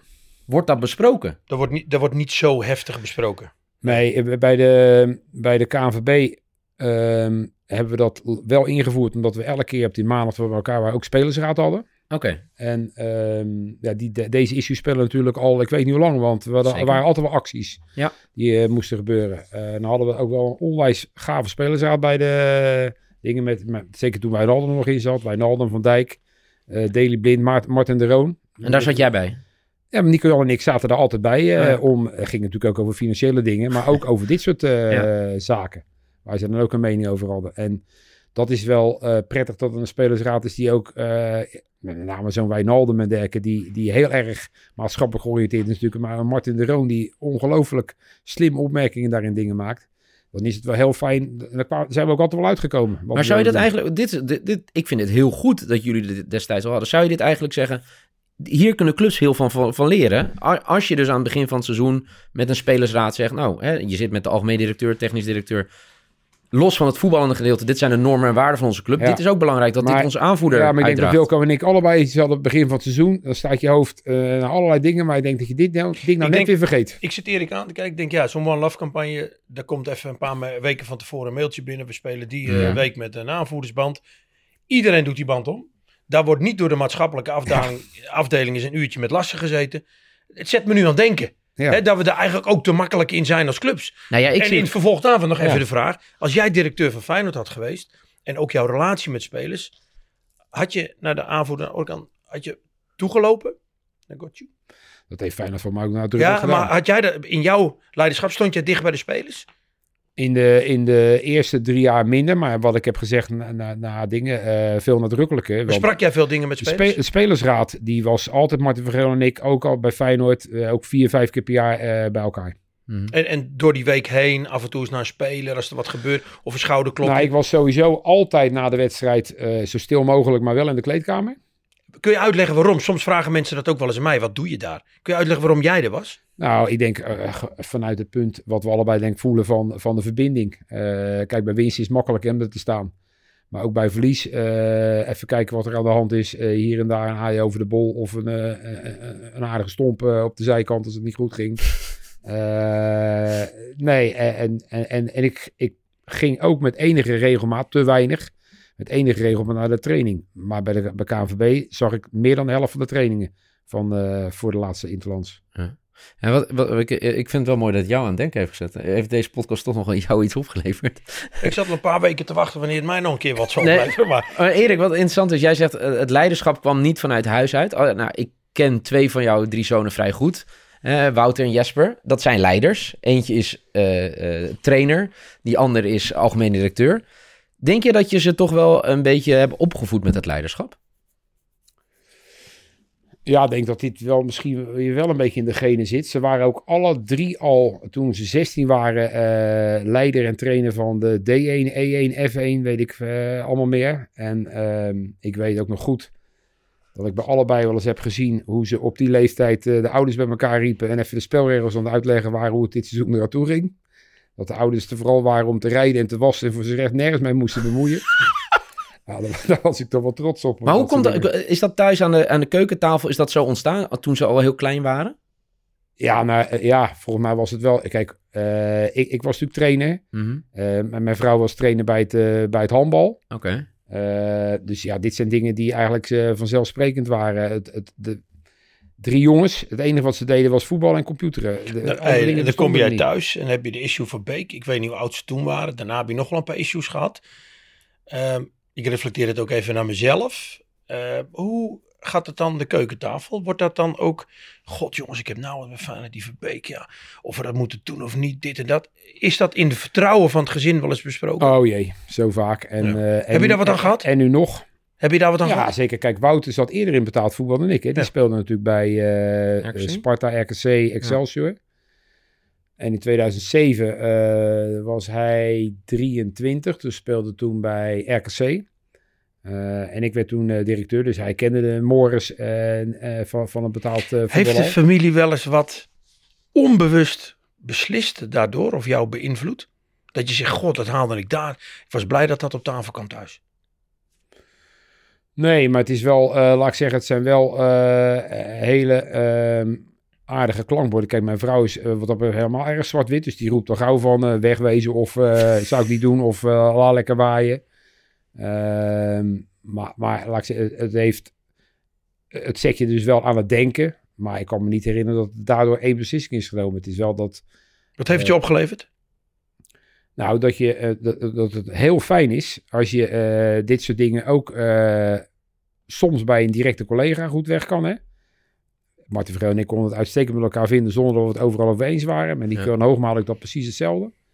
Maar het is wel erg fijn dat je een thuisfront hebt eh, waarin je dat soort dingen kan bespreken. Ik heb dus, eh, Wouter en ik schelen 30 jaar.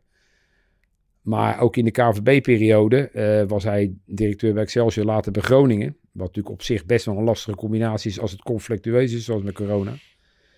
Maar ja, daar heb je wel dat, we, dat we elkaars problematiek, nu nog, maar toen Mhm. ook, eh, ja, wel eens met elkaar eh, bespraken. Eh, hoe, je dat, hoe we daar tegenaan kijken. Ja, dat, Is er nee, nee, die vergadering wil ik even weten, want daar zat Wouter ook in. Ja, die stemde anders dan ik. eh, Maar daarna heeft Ja, hij ook jouw ik- reactie. Ja, en, ja, dat, vond ik heel mooi. en dan, jullie hebben elkaar die avond gebeld, die middag. Of, Ja. of belt hij dan gelijk drie minuten daarna. Pa, lummel, ei, wat heb je gedaan? Of nee, s'avonds, nee, ik weet nog goed dat Wat zei hij tegen jou? Nee, dat hij tegen me zei, wij hebben anders gestemd. Ik zei, nou, dat is eh, jullie goed recht. Maar zegt hij dan ook, dit heb je goed gedaan, dit had je echt anders moeten doen, pa?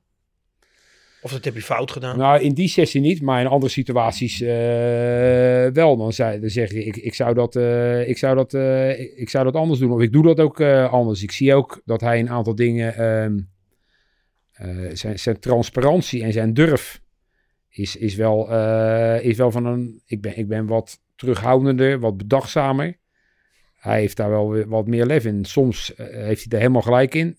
Soms moet hij daar ook wel eens op terugkeren dat dat misschien toch te enthousiast is. Heeft dat te maken ook met een stukje zichtbaarheid als leider? Hoe zichtbaar moet je in het voetbal zijn als leider? Of juist niet, vind jij? Ehm, nou, kijk, als algemeen, als algemeen directeur. Eh, Wout en ik hebben daar hetzelfde bij. En volgens mij doe je op het moment dat het eh, succes is, is het bijna altijd iets met voetbal en technisch. Dan staat de trainer en de technisch directeur in beeld. Jij staat als algemeen directeur bijna alleen maar in beeld. Eh, wa- wanneer er vervelende dingen gebeuren. Een jaarrekening die niet goed is, supportersgeweld, een burgemeester die boos op je is of, of, of wat dan ook. Ik kan, ehm, en ook bij de KNVB, er staat natuurlijk altijd bij vergaderingen, daar waren gelukkig ook wel eens goede punten, maar ja, ik denk dat we vaker voor het scherm hebben gestaan wanneer er wat moeilijkere dingen Ik zeg waren. altijd, we are always in the shit, only the depth varies. Ja, Is dat zo of niet? dat is het, natuurlijk is dat ook Maar zo. het is toch eigenlijk maf dat wij dit vak uitoefenen, dat jij dit zo lang uitgeoefend Ja, hebt. nee, Waarom maar- heb je dat gedaan? Nee, omdat eh, als je erop terugkijkt, is voor mij makkelijk hè. Eh, dan heb je, eh, het is een vak met enorme, korte, hoge pieken. Als je kampioen wordt, dat, dat of een, ja, vooral met kampioenschap. Eh, of bijvoorbeeld als met KVB dat we Nederland zelf al winnen van Frankrijk en Duitsland uit. Dan heb je zo'n 5 tot 15 seconden absolute euforie. Hè, op het moment dat het eindsignaal eh, klinkt. En de kampioenschap dan iets langer en s'avonds ook nog een keer en de volgende dan nog een keer. Maar je hebt ook hele diepe dalen die vaak eh, wel wat, wat langer duren. Maar als ik de optelsom maak, dan kan ik gelukkig zeggen dat, dat, dat, die, dat die per saldo eh, voor mij een, eh, een positief resultaat. Ik had het niet willen missen. En waar staat jouw handtekening onder, onder successen die bijna ja, mede door jou, misschien wel meer dan door jou nee, bepaald niet, zijn? niet meer dan mede door. Nou, bij Excelsior Maassluis ben ik tien jaar hoofdtrainer geweest. Daarna nog een keer drie jaar hoofdtrainer en zeven jaar technisch manager. Eh, toen ik bij die club kwam in 85 was het totaal niet de, de beste club uit de regio. Dan had je Zwart-Wit en Barendrecht en NSVV in Heersdam. Nou, het is nu de toonaangevende club in de tweede divisie die nog steeds met 50% eigen jeugd speelt. Is dat mede aan jou te danken? Nou, ik heb die visie in 2000 neergezet en de jeugdafdeling hebben we met heel veel mensen ook toen sterker gemaakt. En met een budget wat eh, lachwekkend is ten opzichte van IJsselmeervogel Spakenburg, handhaven ze zich met die visie in. De, daar ben ik nog steeds wel een beetje trots op. Maar noem nou eens in één regel, wat heb jij er echt aan toegevoegd? Waar is jouw kracht gebleken? Eh, dat ik die visie dat wij een club moeten zijn en blijven eh, die met eigen jeugd op een zo hoog niveau speelt. eh, dat, dat die is neergezet eh, jarenlang eh, door die goede trainers en dergelijke aan te trekken. En dat de goede bestuurders daarna dat vast hebben gehouden. Dat is, dat is mijn sluis. Dan gaan we naar Feyenoord. Feyenoord, Feyenoord. staat jouw handtekening de opdracht onder? was, breng de club terug eh, op het hoogste niveau. Want we hebben een kaartprobleem met financiering. Negatief eh, schulden vij- eh 43 miljoen, negatief eigen vermogen van min 35. Organisatorisch. eh, er is niet eens een organogram, dat is, was serieus. Eh, en sportief. Eh, want na 2002, eh UEFA Cup, was er al niks meer gewonnen. Maar kwam, kwam jij na de lading oud? Zeg maar de, Ik kwam binnen, toen hadden ze net besloten om Makai, Landzaat, Hof, Hofland, eh, Hofland van Bronkhorst voor drie jaar vast te leggen met salarissen van zeven cijfers. Maar wat dacht je toen? We, staan, we hebben min 35. En wat er niet verteld was, is dat er een belastingsschuld, een belastingaanslag van een loonbelasting van 10 miljoen achterkwam vanwege eh, zaken die met de zakenwaarnemers terecht waren gekomen, wat gewoon onder loonbelasting was. Je begint nu bijna te knijpen met je hand. Word je er nu nog zenuwachtig van? Ja, toen wel. Ja? Maar toen, ehm, ik ging weg in 17 na het kampioenschap. Ehm, en toen, eh, eh, dat was natuurlijk achteraf een prachtig moment geweest, want dat was kort na het kampioenschap. Eh, ik was, er stond echt een organisatie, eh, waarvan ik toen ook bij afstand heb gezegd van, ik ben trots dat ik deze mensen aan Jan de Jong kan overdragen. Dat was echt denk ik een organisatie die commercieel, financieel stond het dan goed, maar commercieel, voetbaltechnisch eh, heel behoorlijk tot veel beter stond. En financieel, we hadden eh 30 miljoen op de bank staan op dat moment. Mede ook de- met de hulp van de vrienden van Feyenoord. Maar wat Dick Verwel ook altijd zei, de bezuinigingen en later de groeiende organisatie, dat heeft niks met de vrienden van Feyenoord te maken. Dat hebben jullie vandaag gedaan. En er waren twee trainingsaccommodaties eh, nagenoeg afgebouwd. Wat ieder, waar niemand het meer over heeft, maar die natuurlijk in vergelijking met Varkenoord echt het wel absoluut Walhalla zijn. Wat niet gelukt is, is het nieuwe stadion. Twee pogingen. Ik vind dat er nog één ding niet gelukt is. Dan ga ik even kritisch worden. En dat is? Dat, dat weet jij, denk ik. Waar ze nu zo hard voor vechten. Jong Feyenoord. Oh, In het betaalde Nee, dat is, dat is, eh, dat is, eh, nee, dat, eh, Ik heb nooit begrepen waarom jij en Martin dat nooit hebben ik gedaan. wel. Eh, want daar hadden we ook een goede redenatie voor. Daar kan je, die kan je bereden twisten. Eh, wij hebben in het eh, jaar voor het kampioenschap, hebben we nog een keer de kans gehad om in die piramide te komen. En toen hebben wij tegen elkaar gezegd, dat gaat ons een miljoen euro kosten. Maar we hebben een andere hunkering. We zijn al geen kampioen sinds 2017. Dus bij ons was simpelweg de vraag. Gaan we die miljoen stoppen in het vrouwenvoetbal? Gaan we die stoppen in Jong Feyenoord of gaan we die stoppen in het eerste elftal? Want het salarisbudget was groot te laag. Maar dat heeft er niet van een miljoen gehangen, Erik. Nou, daar hebben we in ieder geval wel Jurkens kunnen halen op, op dat jaar. Wij hebben echt de keus gemaakt. Uh, we zitten klem in het salarisbudget. Wij kiezen daarvoor. En dan ga ik hem nog, je mag hem nu nog een keer maken. Met het landschap zoals het ontwikkeld is. En de schreeuw die Feyenoord nu zo hard heeft daarvoor. Nee, dan denk ik nog dat de goede keus gemaakt is. Uh, want dat heeft namelijk uh, vervolgens 35 miljoen het laadje gebracht. Het kampioenschap. Anders hadden die trainingsaccommodaties er of niet geweest, of met een krankzinnige hypotheek. En nu is er heel veel eigen geld in gestopt. En als Feyenoord gewoon vorig jaar zijn werk had gedaan, dan hadden ze uh, met de tweede afstand nu in ieder geval in de tweede divisie gespeeld. En dan hadden ze dit jaar gewoon kampioen kunnen worden. Dan hadden ze de komende jaren in kunnen komen. Je vindt niet dat dat, dat het faal is. Gaan we even door. Nee, dit is een keu Nee, omdat dit uh, faal is als je, vind ik vooral, vind ik in eerste instantie als je onnadenkend uh, dingen doet. Hier is heel bewust over nagedacht, een keuze gemaakt. Ja, die een goede kant heeft en ook een mindere kant. Dat is zonneklaar. Heb je, want we hebben, het was een van de vragen, gefaald als leider, zei je ja. In je voetbalcarrière, Feyenoord en de KVB, waar, waar vind je dan dingen als je terugkijkt? Die 1, 2 punten had ik echt anders moeten doen. Daar heb ik, ik vond wel dat je gelijk zei, je zei gelijk ja. Ja, je, nee, omdat, omdat de keuze voor uh, Gert-Jan Verbeek en Frank de Boer uh, geen goede keuzes zijn geweest. Nee. Dat vind je ook echt falen als leider? Um, vind je het knap dat je het zegt hoor? Ja, ik, ik zat ook wel, ik, ik wist dat het woordje falen ging komen. Is dat nou een fout? Is dat nou mislukken? Is dat falen? Uh, het, het, het, is gewoon een, uh, geen goede uitkomst die best wel uh, pijn heeft gedaan in sportief opzicht, in financieel opzicht. Ehm, Ga je dan aan jezelf twijfelen naar zulke keuzes? Niet meer. En, ik denk de situatie met Verbeek wel. Dat ik denk, hoe kan dat nou uh, komen? Uh, bij Frank de Boer geef ik gewoon eer, uh, heb ik gewoon eerlijk ook toegegeven. Nico Jan, wij zeggen gewoon in de persconferentie, dit hebben wij niet goed gedaan. Maar hoe raak je dat uiteindelijk? Zeg maar dat je ah, dat... Ik bedoel, hoe, hoe, hoe, wat, hoe raakt het als je 3-0 verliest? Ja. Dat raakt me anders dan ik met 5-0 win. Dus ja. ja, dat raak je. Ja. Maar je hebt ook de verantwoordelijkheid, zoals met Frank de Boer, om het weer op te lossen. En die verantwoordelijkheid hadden, vond ik ook toen na de periode met Gert-Jan Verbeek. Dit moet opgelost worden. Je, je noemt twee trainers, hè? even voor ons als algemeen directeur in ons bedrijf. Misschien geef ik het antwoord alleen, maar wat is de belangrijkste functie in een voetbalbedrijf? Ik denk de trainer-coach. Uh, ik vind, ik vind Van Aardigem zei tegen mij toen ik wel eens in het programma met hem zei, toen zei ik dat ook. Toen zei hij, nee, de spelers zijn veel belangrijk. Ja, dat, dat is duidelijk. Maar ik, ik, ik vind Arne Slot wel het mooiste voorbeeld. Uh, wat hij vorig jaar met Feyenoord, uh, en hij zegt het ook, hè, wat je wil is trainbaar. Ik denk dat hij bij uitstek heeft laten zien hoe dat is. Hij was vier maanden dat hij bij Feyenoord begon bij mij bij de KVB om met mij te sparren over wat is Feyenoord nou voor een club. Wat ga, wat ga ik er allemaal tegenkomen. Liet hij al een beetje zien uh, wat hij wilde gaan doen hè, met van, die, dat stadion. Als je dat achter je krijgt, hoe krijg je dat achter je? door hoog druk te zetten, door pressie te spelen.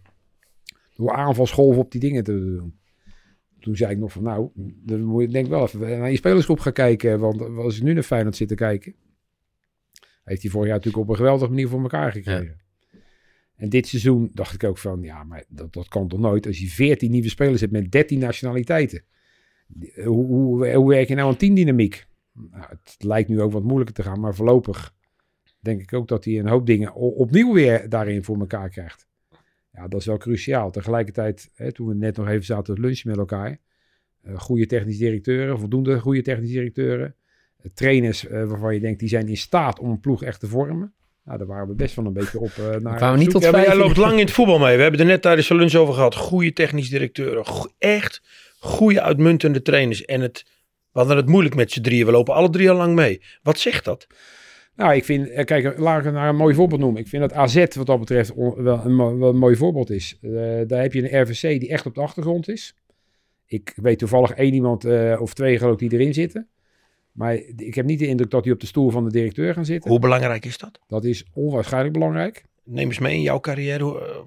Uh, ik heb denk ik een van de allerbeste toezichthouders gehad ooit, Dick van Wel. En waarom was hij dat? Waarom typeer dat is? Was toen nog topman bij, ehm, bij Dura Vermeer. Uh, maar wist precies uh, waarvoor je voorzitter van de Raad van Commissarissen bent. Namelijk voor uh, controle, advies en werkgeversrol. je moest keihard mee bij hem werken. Je moest het echt niet flikken om niet goed en niet tijdig en niet zuiver te informeren. Allemaal voorkomen terecht trouwens. Eh, dus dat was ook eh, wat, wat, mij- wel paste. Maar stond ook keihard achter je op het moment dat de kritiek opkwam. Eh, hij, hij wist welke kant hij daarin op wilde. Heel veel van geleerd.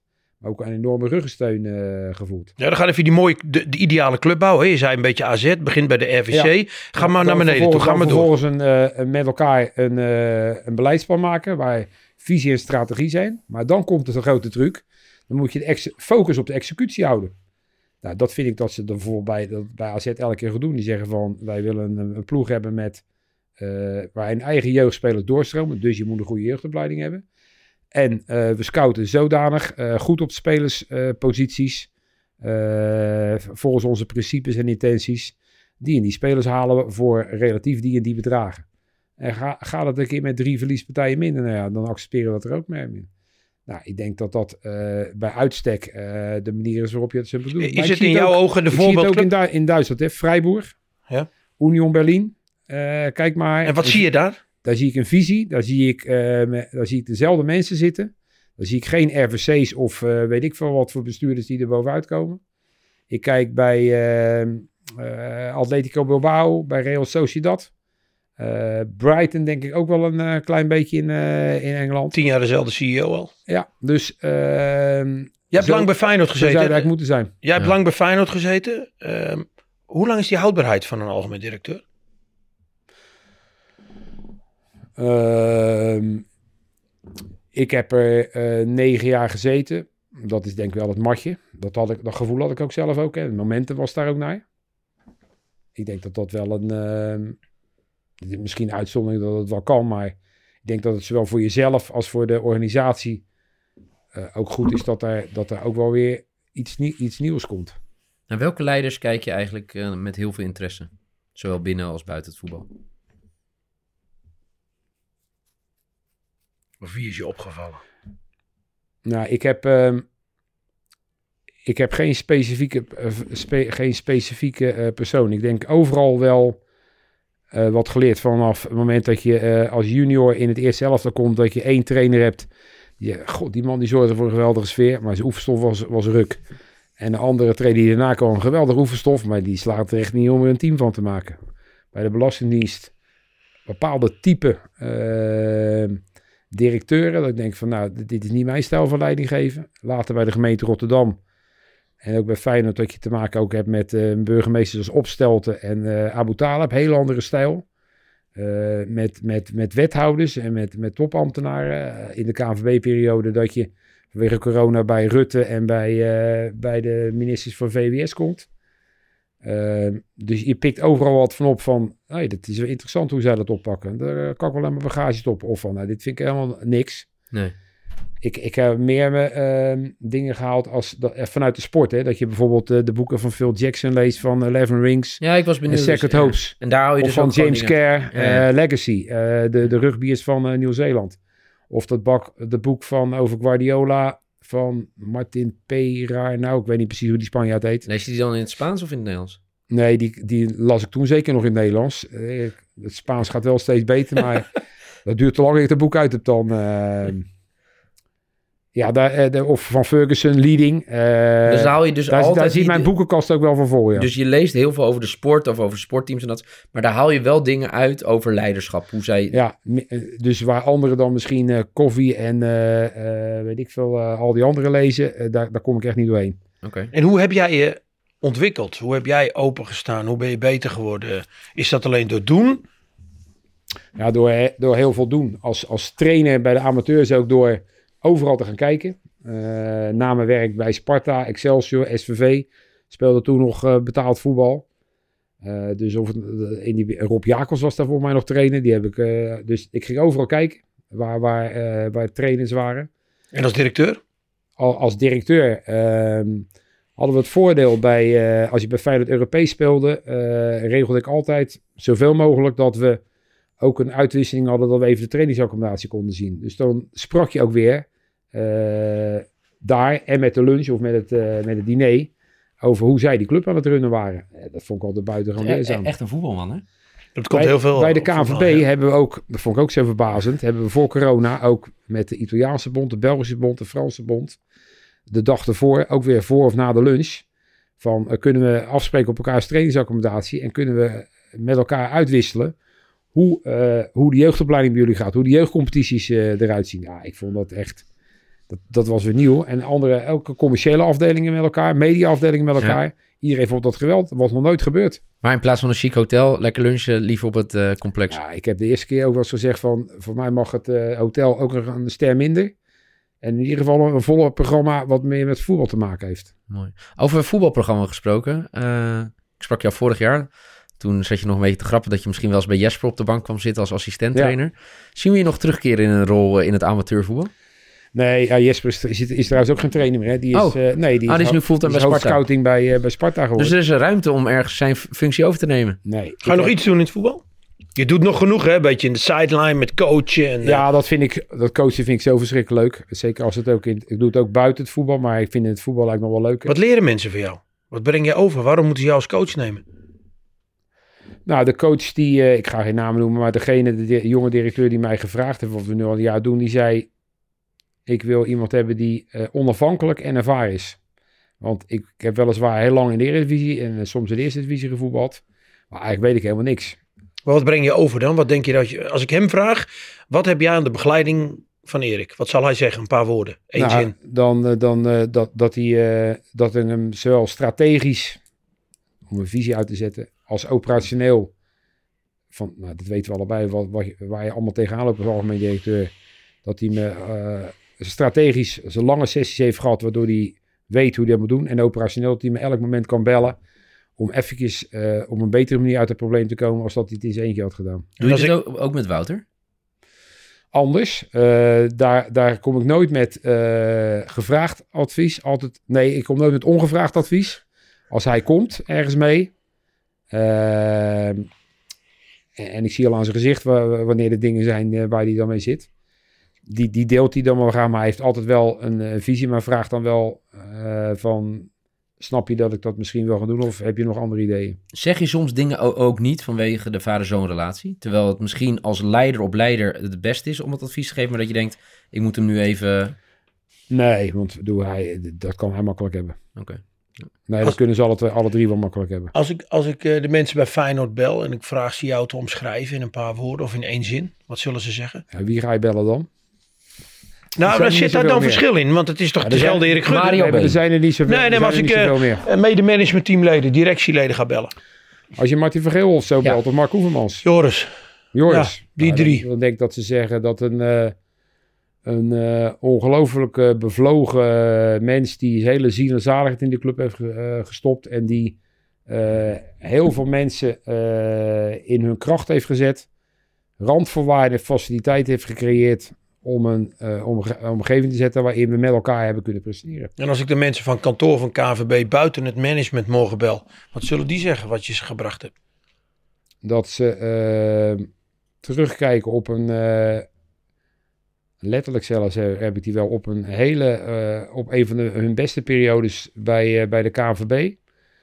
Omdat ze eh, weer het gevoel hadden dat voetbal op één stond. En dat ze ook weer in hun kracht werden gezet en mee hebben kunnen doen om die zaken verder te ontwikkelen. En hoe wil je dat wij jou herinneren in al die jaren algemeen directeur Feyenoord en KVB in het voetbal? Nee, wij, wij, na, naar aanleiding wij- van dit gesprek. nee, nee, wij als voetbalmensen, jouw Nee, collega's. En, eh, ik moet zeggen, dat, dat boeit me veel minder. Ik, eh, ik vind de... ja, maar je wilt er wel een soort legacy waar- achterlaten, Erik. Je, bent, je Nee, ik vind hebt er niet voor niks gewerkt. Nee, maar ik vind de, eh, hoe de mensen die met mij gewerkt hebben erover denken, als, als die, kijk, er zullen ook bij zijn die zeggen, ja, hij heeft mijn kans ontnomen of eh, hij had mij daar moeten zetten of hij heeft dat niet gedaan.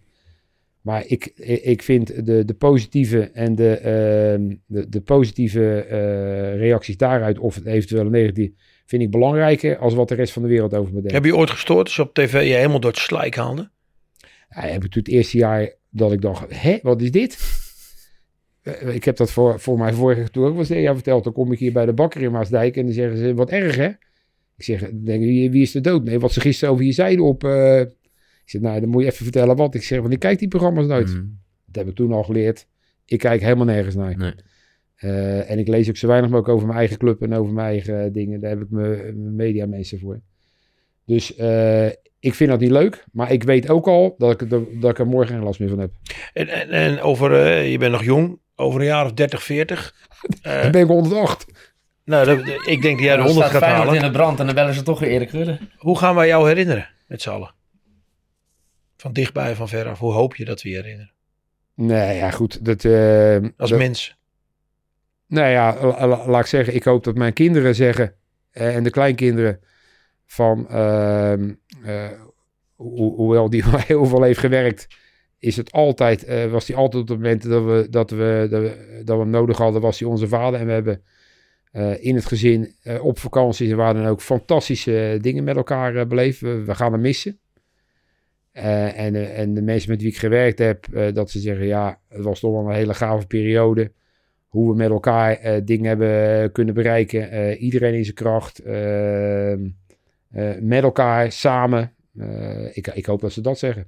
Dan heb ik toch eruit wat die mensen allemaal zeggen natuurlijk nu je weg bent. Hè? ja, eigenlijk wel. Je bent niet meer actief bezig in het voetbal. Hè? Nee, wel nog ik- in de sideline. Mis je het? Nee, ik zei, ik zat wel. Ik heb ook gezegd, ik ga niet meer iets doen wat ik al heb gedaan. Dus ik zat, als ik over het voetballen, dan zou ik eigenlijk eh, een vrouw, vrouwenteam moeten gaan trainen. Dat zag ik in het begin helemaal niet zitten, 20 jaar geleden, het vrouwenvoetbal. Daar hebben we dus in vergist. Inmiddels zie ik daar eh, enorm de waarde van. Maar mogen vrouwenteams uit de omgeving Maasluis zich melden?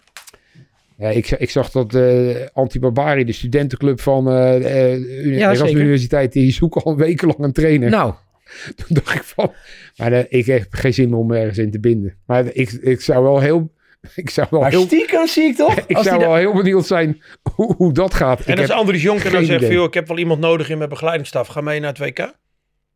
nee, dat kan niet. Oh, naar het WK. Ja, ik ga al in, naar Nieuw-Zeeland met mijn vrouw in januari, februari. Ja, om vast te, te Nee, verkennen. eh, daar ben ik helemaal niet geschikt voor. Heb je nog dromen? Heb je nog dingen die je denkt van... eh, Hé, je, je doet eh, met de familie wat in de wijnen. Je bent wat aan het coachen. Wat, in Wat- wijn? Het is een wijnimperium zijn ze aan het opbouwen. Imperium. Zijn, er, zijn er nog dingen die je wil doen? Of is je, is je Nee, leven klaar? ik- Ga je op de bank zitten? Over. Nee, dat sowieso niet. Maar ik heb het eh, een beetje betiteld als... nou, dit is de derde helft. Hè. De eerste helft is eh, eh, je lagere school, middelbare school studeren.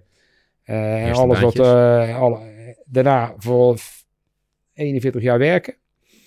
En nu eh, ja, hoop je, bid je dat je een eh, zo lang mogelijk gezond, fijn leven met je vrouw, met je kinderen, je kleinkinderen hebt. Nou, en dan vind ik dat ik er een paar dingen in moet doen. Dus beter sporten, eh, maar ook gewoon leuke dingen doen. En, ja, en, en als ik dingen doe, andere dingen doen. Dus uit de comfortzone, dus één op één Spaans doen. Wijn deed ik vroeger ook niet. Leuk om te doen. Eh, want we hebben het steeds over wijn. Voor de mensen die voor, vorig jaar onze podcast niet hebben geluisterd. Je hebt samen met Wouter een eigen wijn. Ja, eigenlijk de vrouwen van ons, eh Vinos y Vinos. Vinos Spaans, y Vinos eh, Portugees. Eh, en dat gaat soms heel leuk en soms heel moeizaam. Ja, dat moet Maar meer verkocht worden, zei je. Je kwam hier binnen, dat moet... Ja, maar vorige week veel succes gehad. Maar ik vind het leukste de wijn scouting. Dat is weer een eigen woord natuurlijk. Om eh, ergens in Noord-Spanje eh, weer een paar bodega's te ontdekken. Kleine familiebodega's. Die een Albarino hebben of een Godello of een Ribera del Duero die wij nog niet hebben. En als je dan in Spanje zo lekker zit met het ondergaande zonnetje. Je zei net een paar keer wel, ja, gezond blijven, dat is wel een thema. Ja, Ben je bang voor wat er nog gaat komen, misschien voor het einde? Je bent nog ja jong, maar er vind ik gebeurt wel, een hoop eh, om ja, je heen. Ja, dat, ja, dat vind ik wel... ehm, ja, dat vind ik wel... Dat onbestemde vind ik, dat is niks voor mij natuurlijk. Komt dat naarmate je ouder wordt dichterbij, Erik? Ja, dat, dat op het moment dat je dus met pensioen gaat, hè, dus die avond eh, fantastisch afscheid bij de KVB gehad, hadden ze top geregeld, mijn hele gezin erbij. Die hadden ze ook echt betrokken met video's en afscheid en een, eh, een knallend half uurtje. En, Had jij voor Nick en Simon gekozen? Ja, Coldplay was te duur, denk ik.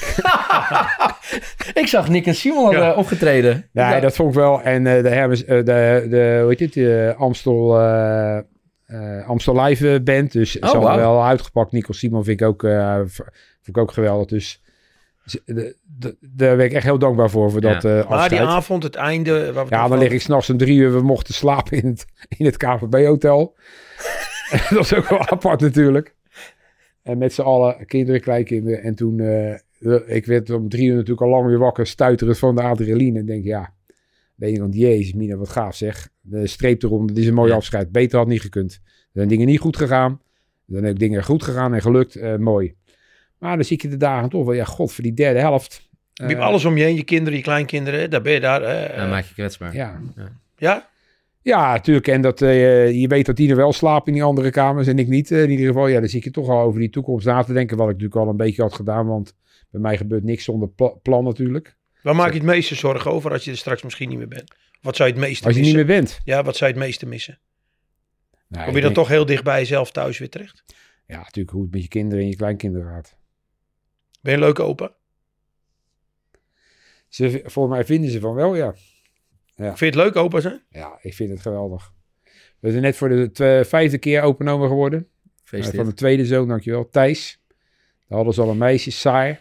En nu Thijs erbij. Bij Wouter heb je dan eh, Sophie, 12 al, echt een puber. Ja, dat is ook ongekend van eh, oma zullen we even gaan wandelen. Die heeft dan natuurlijk dan een uur lang alle ellende wat de ouders allemaal niet goed doen. Sep, eh, dat is net zo'n als, eh, als onze kinderen. eh, tien jaar voetbalt bij, eh bij Bikwik en bij Sip in Groningen. In de, dat hij één één keer per week mee mag trainen. Alleen maar voetbal en computeren. En Tessie is dan weer zes. Dat is ook zo'n eh, onwijs leuke meid. En ik moet enorm mee aan meiden natuurlijk. Met al die meiden dingen. Ik vind het echt... eh, Je komt wel elke keer, eh, je hebt heel veel over samen, ook in je bedrijven, maar je gezin is wel heel belangrijk voor je geweest. Ja, wij, proberen wij, proberen elk jaar één keer, één week. Wij betalen de villa natuurlijk dan één week naar Conil de la Frontera te gaan.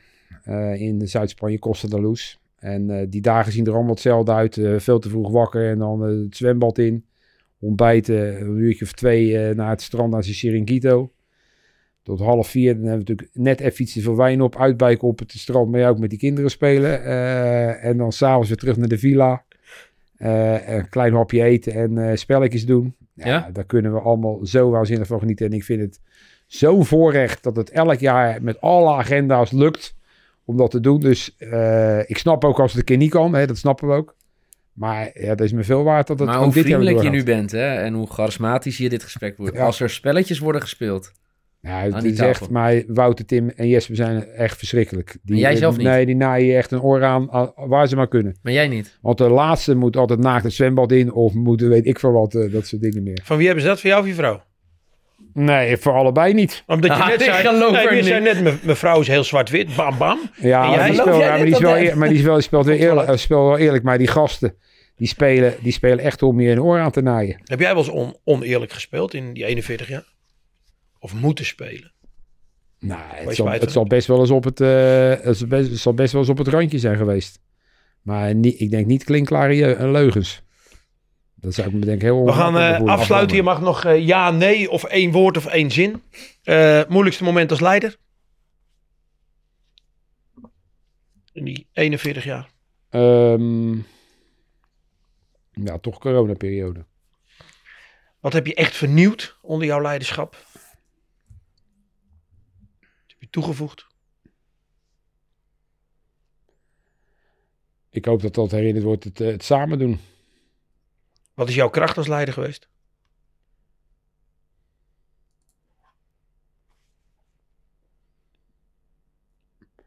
Eh, visie, actie en verbinden. Wat is je zwakte als leider geweest? Verbeterpunt. Wellicht soms te empathisch. Hoe typeren mensen jou als leider in één woord?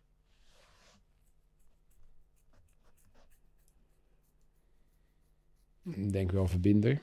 Wie is momenteel de wereldleider? Als we die nog hebben. Ken ik niet. De beste leider in het voetbal? Nationaal, internationaal.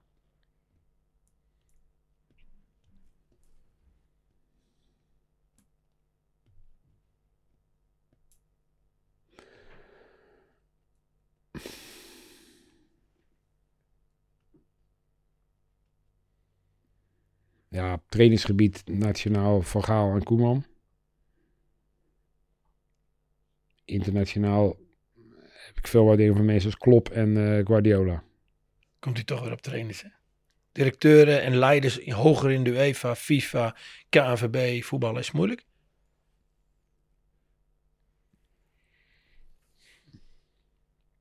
Ja, het is moeilijk, want eh, die namen schieten me blijkbaar niet te binnen. Kan je zoon de beste leider in het voetbal van Nederland worden?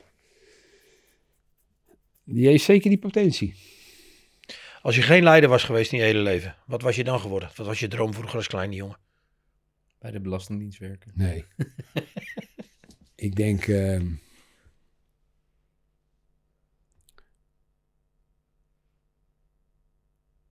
Profvoetballer? nee, dat, dat zag ik al gauw dat dat het niet was. ik, ik denk eh, trainer of leraar lichamelijke opvoeding. Wel in de sport. Ja, dat was wel zonder klaar, maar dat heb ik ook van thuis niet meegekregen. Zijn we nog iets vergeten te vragen in jouw leiderschap of iets wat in, zo bepalend is geweest voor je of één woord of een karaktertrek? Ah, dat zal best wel, maar ik vind wel dat, ehm, voor, voor, laat ik zeggen, mensen die mij kennen en die dadelijk deze podcast horen, die, ehm, die, die, zullen, wel, die zullen wel zeggen, ja, dit is wel Erik Gudde. Mooie Dankjewel. laatste woorden toch? Dankjewel Erik. Jullie bedankt. Veel plezier nog in je leven. Jullie ook.